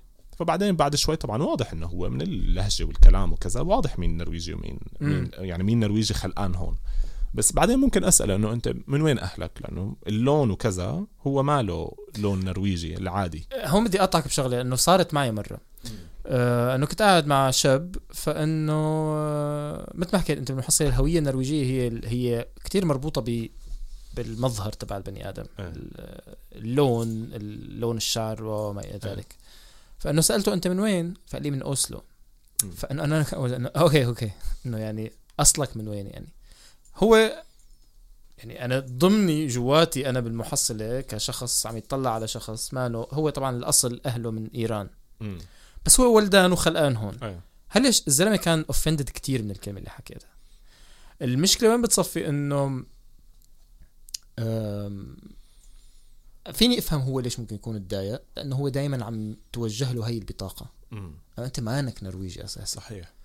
بس آه، إشكاليتي بصراحة يعني هو شوي الموضوع مكركب هون يعني آه، يعني بدي أرجع لك الحكي بس إنه إذا تضيف عليه فكرة اللي هي ليش ما تقول إنه أنا نرويجي بالنسبة لك. على سبيل المثال؟ إنه إنه لا أنا فلسطيني سوري نرويجي. امم تمام؟ أنا هذا اللي اللي بحب إنه يتم التعامل مع الموضوع على انه هو ما انه شيء آه، خلص جامد هذا هو انتهى الموضوع. تماما إيه. إنه أنا م- مثل إشكالية ال آه، اذا تتذكر كان في حلقة ل ل تريفر نواه لما عم يحكي عن ال- الشخص لاعبين فرنسيين آه على اللاعبين الفرنسيين وعم يحكي على الشخص اللي أنقذ البنت إنه هو لأنه انقذها فإنه صار آه فرنسي. انه هذا فرنسي إنه لا ما. انقذها هو لا ما إنه فرنسي. فليش لا يتم التعامل مع الموضوع بهذا الشيء لا أنا so يوما ما إذا أخذت الجواز أنا رح ضل أقول أنا سوري نرويجي ما حانفي إنه أنا نرويجي صرت إيه. تمام بشكل. أو بآخر حتى لو هن ما اعترفوا ما بيهمني I don't care. بالمحصلة يعني ف يعني sorry أنا قاطعتك على الفكرة بس إنه آه لأنه صارت قدامي بالنسبة إلي وإلك أنا بحس في أريحية بالنسبة لنا أنا مهاجر. ما بحق لي أحكي اللي بدي إياه يعني تمام آه. بين بين بعض كمهاجرين بس الغريب إنه في ناس بتتضايق إنه هي بس مشان هيك يعني disclaimer مشان ما الناس تروح تساويها وتحكي مع حدا مثلا ويروح يتضايق يعني كونه مم. صارت معي إنه الناس تختلف عن بعضها بالمحصله الناس ممكن إيه. تتضايق لأنه. خصوصي لما يكون الموضوع عم يعامل بشكل يومي. إنه أنت من وين إنه من. كذا لا لا لا من وين أصلك يعني وهي آه. الشغله يعني يعني meeting of the minds اللي صارت الجلسة آه كثير من اللي إجوا حكوا عن تجاربهم السابقة كانت هي الورقة تستخدم يوميا معهم ضدهم تماما. هلأ بال آه، لما أنا بحكي مع العالم هذيك مرة سألت صديقة هي هندية يعني آه، أبوها هندي أمها. نرويجية قالت لي إنه الموضوع أنا بالنسبة لي هو حسب ال يعني شو هدف الإنسان من هذا السؤال إيه. هلا لما واحد بيسألني هو الواحد حسب إحساسه الداخلي شو بصير بهذيك اللحظة. هل هو إنه هذا نشري يعني هو. فضولي اتجاه يعرف إنه أنا من وين؟ ولا هل هو سؤال بهدف إنه ينفي عني الصفة النرويجية؟ نعم. يعني تبع هذا السؤال تبع لما أنت بتقول آه إيه أنا أنا من أمي من فلسطين وأبوي من سوريا مثلا. فبيجي هذاك شخص بيقول لك آه okay.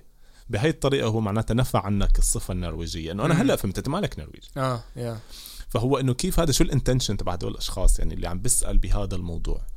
وهو ال ال الاستقطاب السياسي اللي صاير بموضوع الهويات اللي بنحكي عليه دائما ال political correctness إنه إنه بيخلي العالم عن جد توصل لحلقات مفرغة انه إحنا ما عاد نقدر نسأل بعض أي شيء.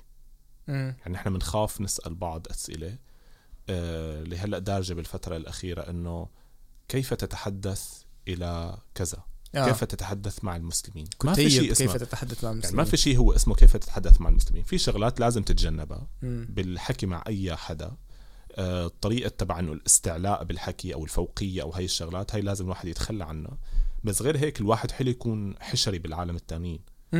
ف يعني بحس أنا الطريقة ال... ال... ال... الحلقة المفرغة اللي عم نوصل لها مؤخرا بال political correctness عم تخلينا كأشخاص نعيش كثير متباعدين تماما عن طبعا بعض بالمجتمع مم. الواحد أنا بالنسبة لي كشخص أنا يعني فخور بأصولي سعيد فيها مرات أصلا لما بتقول للواحد إنه طبعا شغله حسب المزاج يعني أنا ممكن إذا بتسألني بكرة من وين أنت يمكن أقول لك أنا نرويجي. الواحد حسب مزاج هو كيف تماماً، حاسس إيه. بالموضوع مع المكان حوله المشكلة كمان نحن فينا انه نحن بنتعامل فيها كأنه الهوية النرويجيه هوية فوقية مم.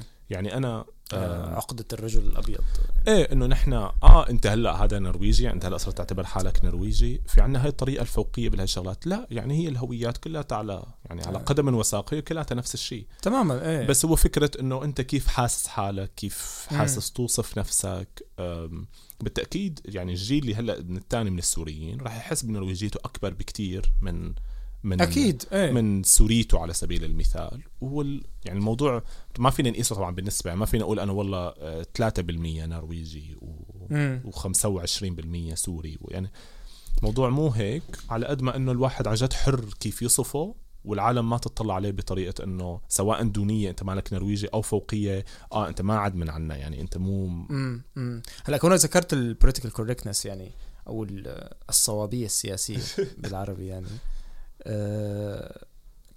أنت كشخص أكثر آه أكثر الصوابية السياسية. الصوابية السياسية نعم.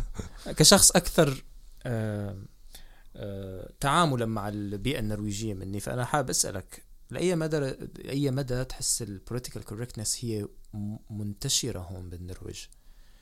آه، بحيث إنك آه، يعني كذا مرة إحنا حكينا فكرة إنه أنت بتوصل لمرحلة ما فيك تنتقد ال- آه، ال group. لأنه المحيط بيقول لك إنه لا لا لا, لا, لا. إحنا ما بدنا نحكي. فلاي مدى هي منتشرة. آه كتير كتير كتير يعني عن جد كتير. وخاصة مم. موضوع إنه نحن مو ال- ال multiculture الحالة ال multiculture اللي عنا إياها هي لازم تتطور أكتر من هيك تهتم بالحالة الفردية أكتر.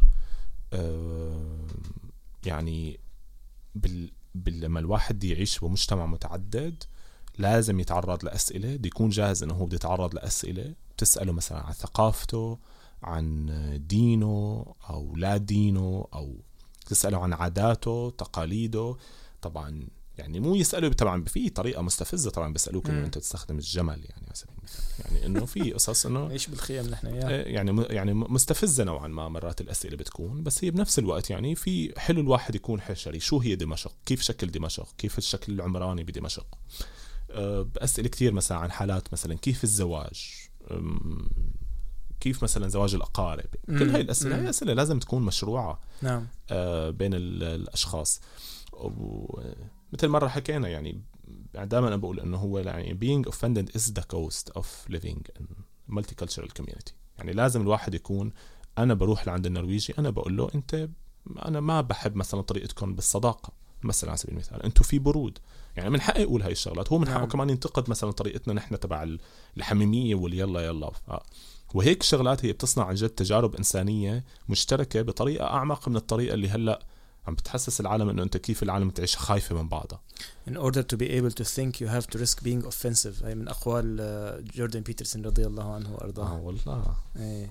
لأنه الفكرة اللي ذكرتها تماما أنت. لا لازم يعني لازم العالم تكون يعني تتحمل ضريبة إنه عم بتعيش مجتمع متعدد الثقافات مشان نتعرف على بعض بطريقة أكبر. ما إنه والله أنا أخاف okay هذا شو آه آه اسمه أسامة طب أنا شو هذا؟ معقول. أنا أسأل مثلا شو بده ياكل معقول أعزمه لهون ويكون آه, آه أيوه okay. فكتير هاي الشغلات عن جد بتصنع خوف كتير كبير. فالعالم تتجنب وبتقول إنه أنا ما عاد بدي يعني أنا ما مم. بدي مثلا أقرب على هذا الإنسان. والشغلة بت... يعني يعني مثلا أنا كشخص كتير يعني اجتماعي آه، بحاول مثلا دائما إنه أطلع العالم من ال... من البوبلة تبع إنه يكون خايف مني. ولحد ما بنجح بهذا الموضوع بس ما مفترض إنه كل واحد يكون نفس الطريقة. يعني المشكلة هل هذا الشيء عم ينعكس كونه هن عم يتعاملوا بهي الطريقة؟ فهل هن يعني يعني هن يتوقعوا مني إني أتعامل بنفس الشكل؟ يعني بمعنى إنه مثلا أنا ما بعرف مثلا لما بدي أعزمه لأسامة إنه والله مثلا شو الأكل اللي بياكله مثلا أو اللي ما بياكله على سبيل المثال رغم إنه هو ببساطة القصة بتصفي إنه فيك تسأل إنه تب صحيح تاكل سمك تاكل كذا whatever يعني مم. بس السؤال يطرح نفسه هل هو يعتقد مني بالمقابل إنه أنا كمان لازم أسوي نفس الشيء معه مم. يعني أنت لما تكون صريح وواضح بالتعامل وتحاول على رأيك تطلعهم من الفقاعة اللي هن آه. فيها مثلا آه، هل هن بيخافوا أو خلينا نقول إنه بيحسوا إنه أوه هدي اللعب إنه أنت كتير ماشي؟ مم. ولا شلون هلأ هو في إحساس إنه يعني المجتمع النرويجي بيحل بحس حاله إنه هو الحالة العامة والبقايا هنا استثناءات. وهذه الاستثناءات إنه كيف بدي أدير بالي معها يعني بالشغل باللانش بوسا بتلاقي العالم كتير نيشري إنه إنه هذا الشخص شو عم بياكل؟ آه بياكل هيك كذا. آه. آه بنفس الوقت بتحس هاي النظرات اللي بتخلي إنه في خوف بس ما في نقاش حقيقي بيناتهم وبين بعض و, و... يعني من حقي أنا أسأل أي حدا أنت ليش ما بتاكل هيك؟ وليش ما بتشرب هيك؟ وليش ليش مثلا آه ليش بتصلي؟ وليش ما بتصلي؟ من حقي أسأل أي حدا هاي الشغلات يعني. إذا أنا عن جدي على العالم تصير رفقاتي. تماما. يعني إنه عن جد تصير صداقة حقيقية. إلا إذا نحن جا بالنا نكون هدول الأشخاص اللي بيحكوا جملتين بعدين بيطلعوا ببعض وبيعملوا هاي الابتسامة نعم. والايماءه بالوجه. تبع نحن أصدقاء.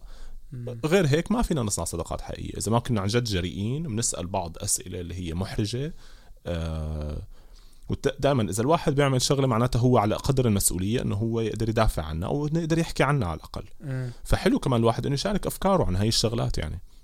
تمام تمام.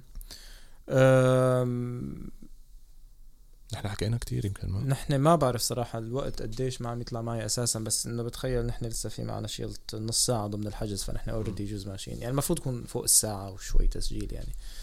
بس اللي اللي عم فكر فيه هلأ أه كونه أتمنى إنه هاي الحلقة لازم تنزل قبل يوم الثلاثاء هو شو اسمه؟ أه ما بعرف تحب تحكي شوي عن حفل الافتتاح؟ ولا إيه طبعا. أه حفل الافتتاح الثلاثة أربعة خمسة أه سبعة مساء بتوقيت برجن أه بالطابق الثاني هون. نعم. أه بالأوديتوريوم. إيه. أه أربع ضيوف جايين. أحدهم هي كامزي هي شخص فينا نقول يعني ما بعرف هو ال ordfører هو محافظ ولا عمدة المدينة؟ آه عمدة المدينة أكثر آه. إيه. هي يعني هي نائب عمدة المدينة. نعم. آه بأوسلو. okay. آه سياسية كتير آه يعني كتير هلأ عليها spotlight بشكل عام كتير نشطة وكذا. هي مواليد 1988 آه والله okay. صغيرة كتير يعني. إيه. آه هي من مواليد سريلانكا وإجت على النرويج بصفة لاجئة بال 1991 ثلاث سنين كان عمرها. آه بعدين بلشت نشاطها السياسي بحزب العمال ال AP. بعدين كانت هي بمجزرة بجزيرة أوتويا. نعم. لما أندريس بريفيك توجه لهنيك وبلش يقتل الشباب بالمعسكر الصيفي. نفدت هي سبحت. الحلو بكمزي إنه أندريس بريفيك بعت رسالة للأعضاء بال Stortinget عم بطلب منه سماح. مشان يخف الحكم يعني هي طريقة إجراء. فهو بعت لها وبعت لها رسالة خاصة لإلها إنه أنا كمزي بعتذر لإلك بشكل خاص إنك انت آه آه سبحتي وأنت تعرضتي ل trauma معينة وكذا. فهي ما ردت عليه برسالة هي ردت عليه بكتاب. أوه. سمته Min kamp؟ er din kamp. و... والكتاب هو بيحكي عن حياتها وإنه كيف هي نرويجية وكيف هو كشخص لأنه بريفيك هو يعني مثال للإرهابية اليمينية في العالم. يعني مثلا اللي قتل العالم بنيوزيلندا كاتب اسم بريفيك على تماما أيوه على أيوة. السلاح تبعه. والمانيفستو تبع بريفيك جدا ضخم و نعم. 500 صفحة إيه. آه فهي كانت عم تحكي عن حالها إنه كيف هي نرويجية إنه كيف هي سريلانكية. آه فبطريقه كتير حلوة وبتفتح يعني افتتاح الكتاب واختتامه هو بالرسالة لبريفيك إنه هو إرهابي. آه فهي راح تقدم آه كلمة الافتتاح. أنا أول شيء رح نحكي عن شو هي المجلة وكذا حلو. بعدين رح تحكي كمزي.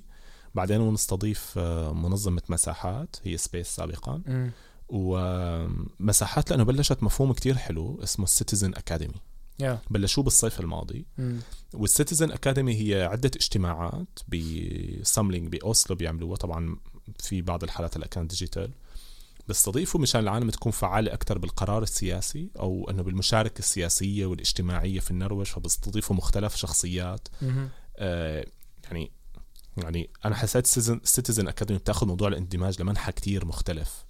آه تعامل جدا مختلف كمان مع الفضاء حولنا فحسيت إنه هي تجربة عن جد تستحق إنه آه يعني نسمع عنها أكثر نعم. آه نعيد تجربتها مثلا يمكن حتى بعدة مدن إذا مساحات بيقدروا يعملوا هالشيء آه بعدين بناخذ شوي استراحة صغيرة راح يكون بعدين راح نستضيف وفاء مصطفى.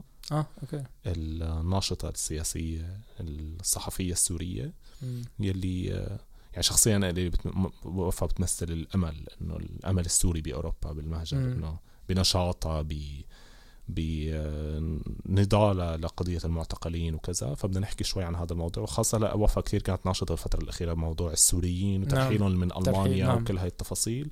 واللي هلا هو موضوع رح يشغل بالنا كثير بال آه طبعا. بال 2021 2022 وشفنا الدنمارك الدنمارك اوريدي تماما تماما. آه وما بستبعد يعني هو القدوة الدنماركية اللي عنا إياها فإنه ممكن كثير نحن يبلش هيك حكي بالنرويج يعني لا طلع حكي من يومين عم شوف على ال FRP حاطين إنه مع الأسف فغالبية السوريين هن أخذوا إقامة دائمة هيك بالحرف مع م. الاسف إنه too little too late ما عاد فينا نغير الوضع يعني. إيه. وهن كثير يعني آخر فترة بخلال فترة الكورونا حاولوا ينش... يستغلوا إنشغال العالم بموضوع الكورونا فصعبوا كتير موضوع الجنسية. يعني نعم. عملوها هلا الإقامة الدائمه قرب بلش يصير البي إن وهي التفاصيل اللي هي كثير صعبة من زادوا فترة الحصول. الإقامة الدائمة و... تماما. يعني رفعوا كثير نعم.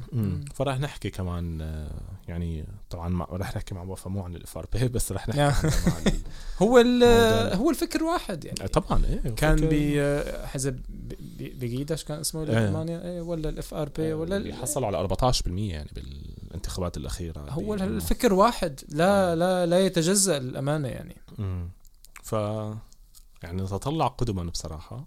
والحلو إنه في يعني في حضور فيزيائي ممكن لحد 40 شخص okay. وراح يكون كمان اونلاين فاللي حاب يحضر اونلاين عظيم. والله أنا يعني آه، حجزت أنت اشو مباشرة. طبعا. مباشرة يعني jeg gleder meg الحقيقة. آه. آه تجربة عظيمة. آه شكرا على إنك سمحت لنا بإنه نساوي اللقاء معك أول شيء أو الأحرى إنه إحنا دائما ملتقيين بس آه، إنك تسجل اللقاء تبع تبعنا هو كان نقطة عظيمة يعني. بدنا نعمل بودكاست رياضة يعني. بدي أقول لك نفس الكلمة بدي أقول لك نفس الكلمة. لازم نسوي حلقة تانية مرتبطة بموضوع الرياضة. أو نعمل بودكاست رياضي هيك خاص برا الجعبة يعني. آه شكرا على إنك أتحت الفرصة إنه نساوي اني إني إجي أنا ببودكاست الجابة إني ساوي باستوديو حقيقي. آه جدا سعيد بإنه كتبت شيء بال بدار. أنا فعلا مو بس لأنه قدامك أنا دائما وين ما كان بحكيها دار هي خطوة عظيمة جدا. مشروع مشروع شخصيا أنا بحبه كثير لهذا المشروع. فأنا فعلا بتمنى لكم النجاح المطلق آه ومستقبل يكون شكرا باهر جزيلا. يعني. يعني هي شهادة بنعلقها على الحيط الله يخليك يا رب. بطبع لك إياها بطبع لك إياها. شكرا شكرا كثير اسامه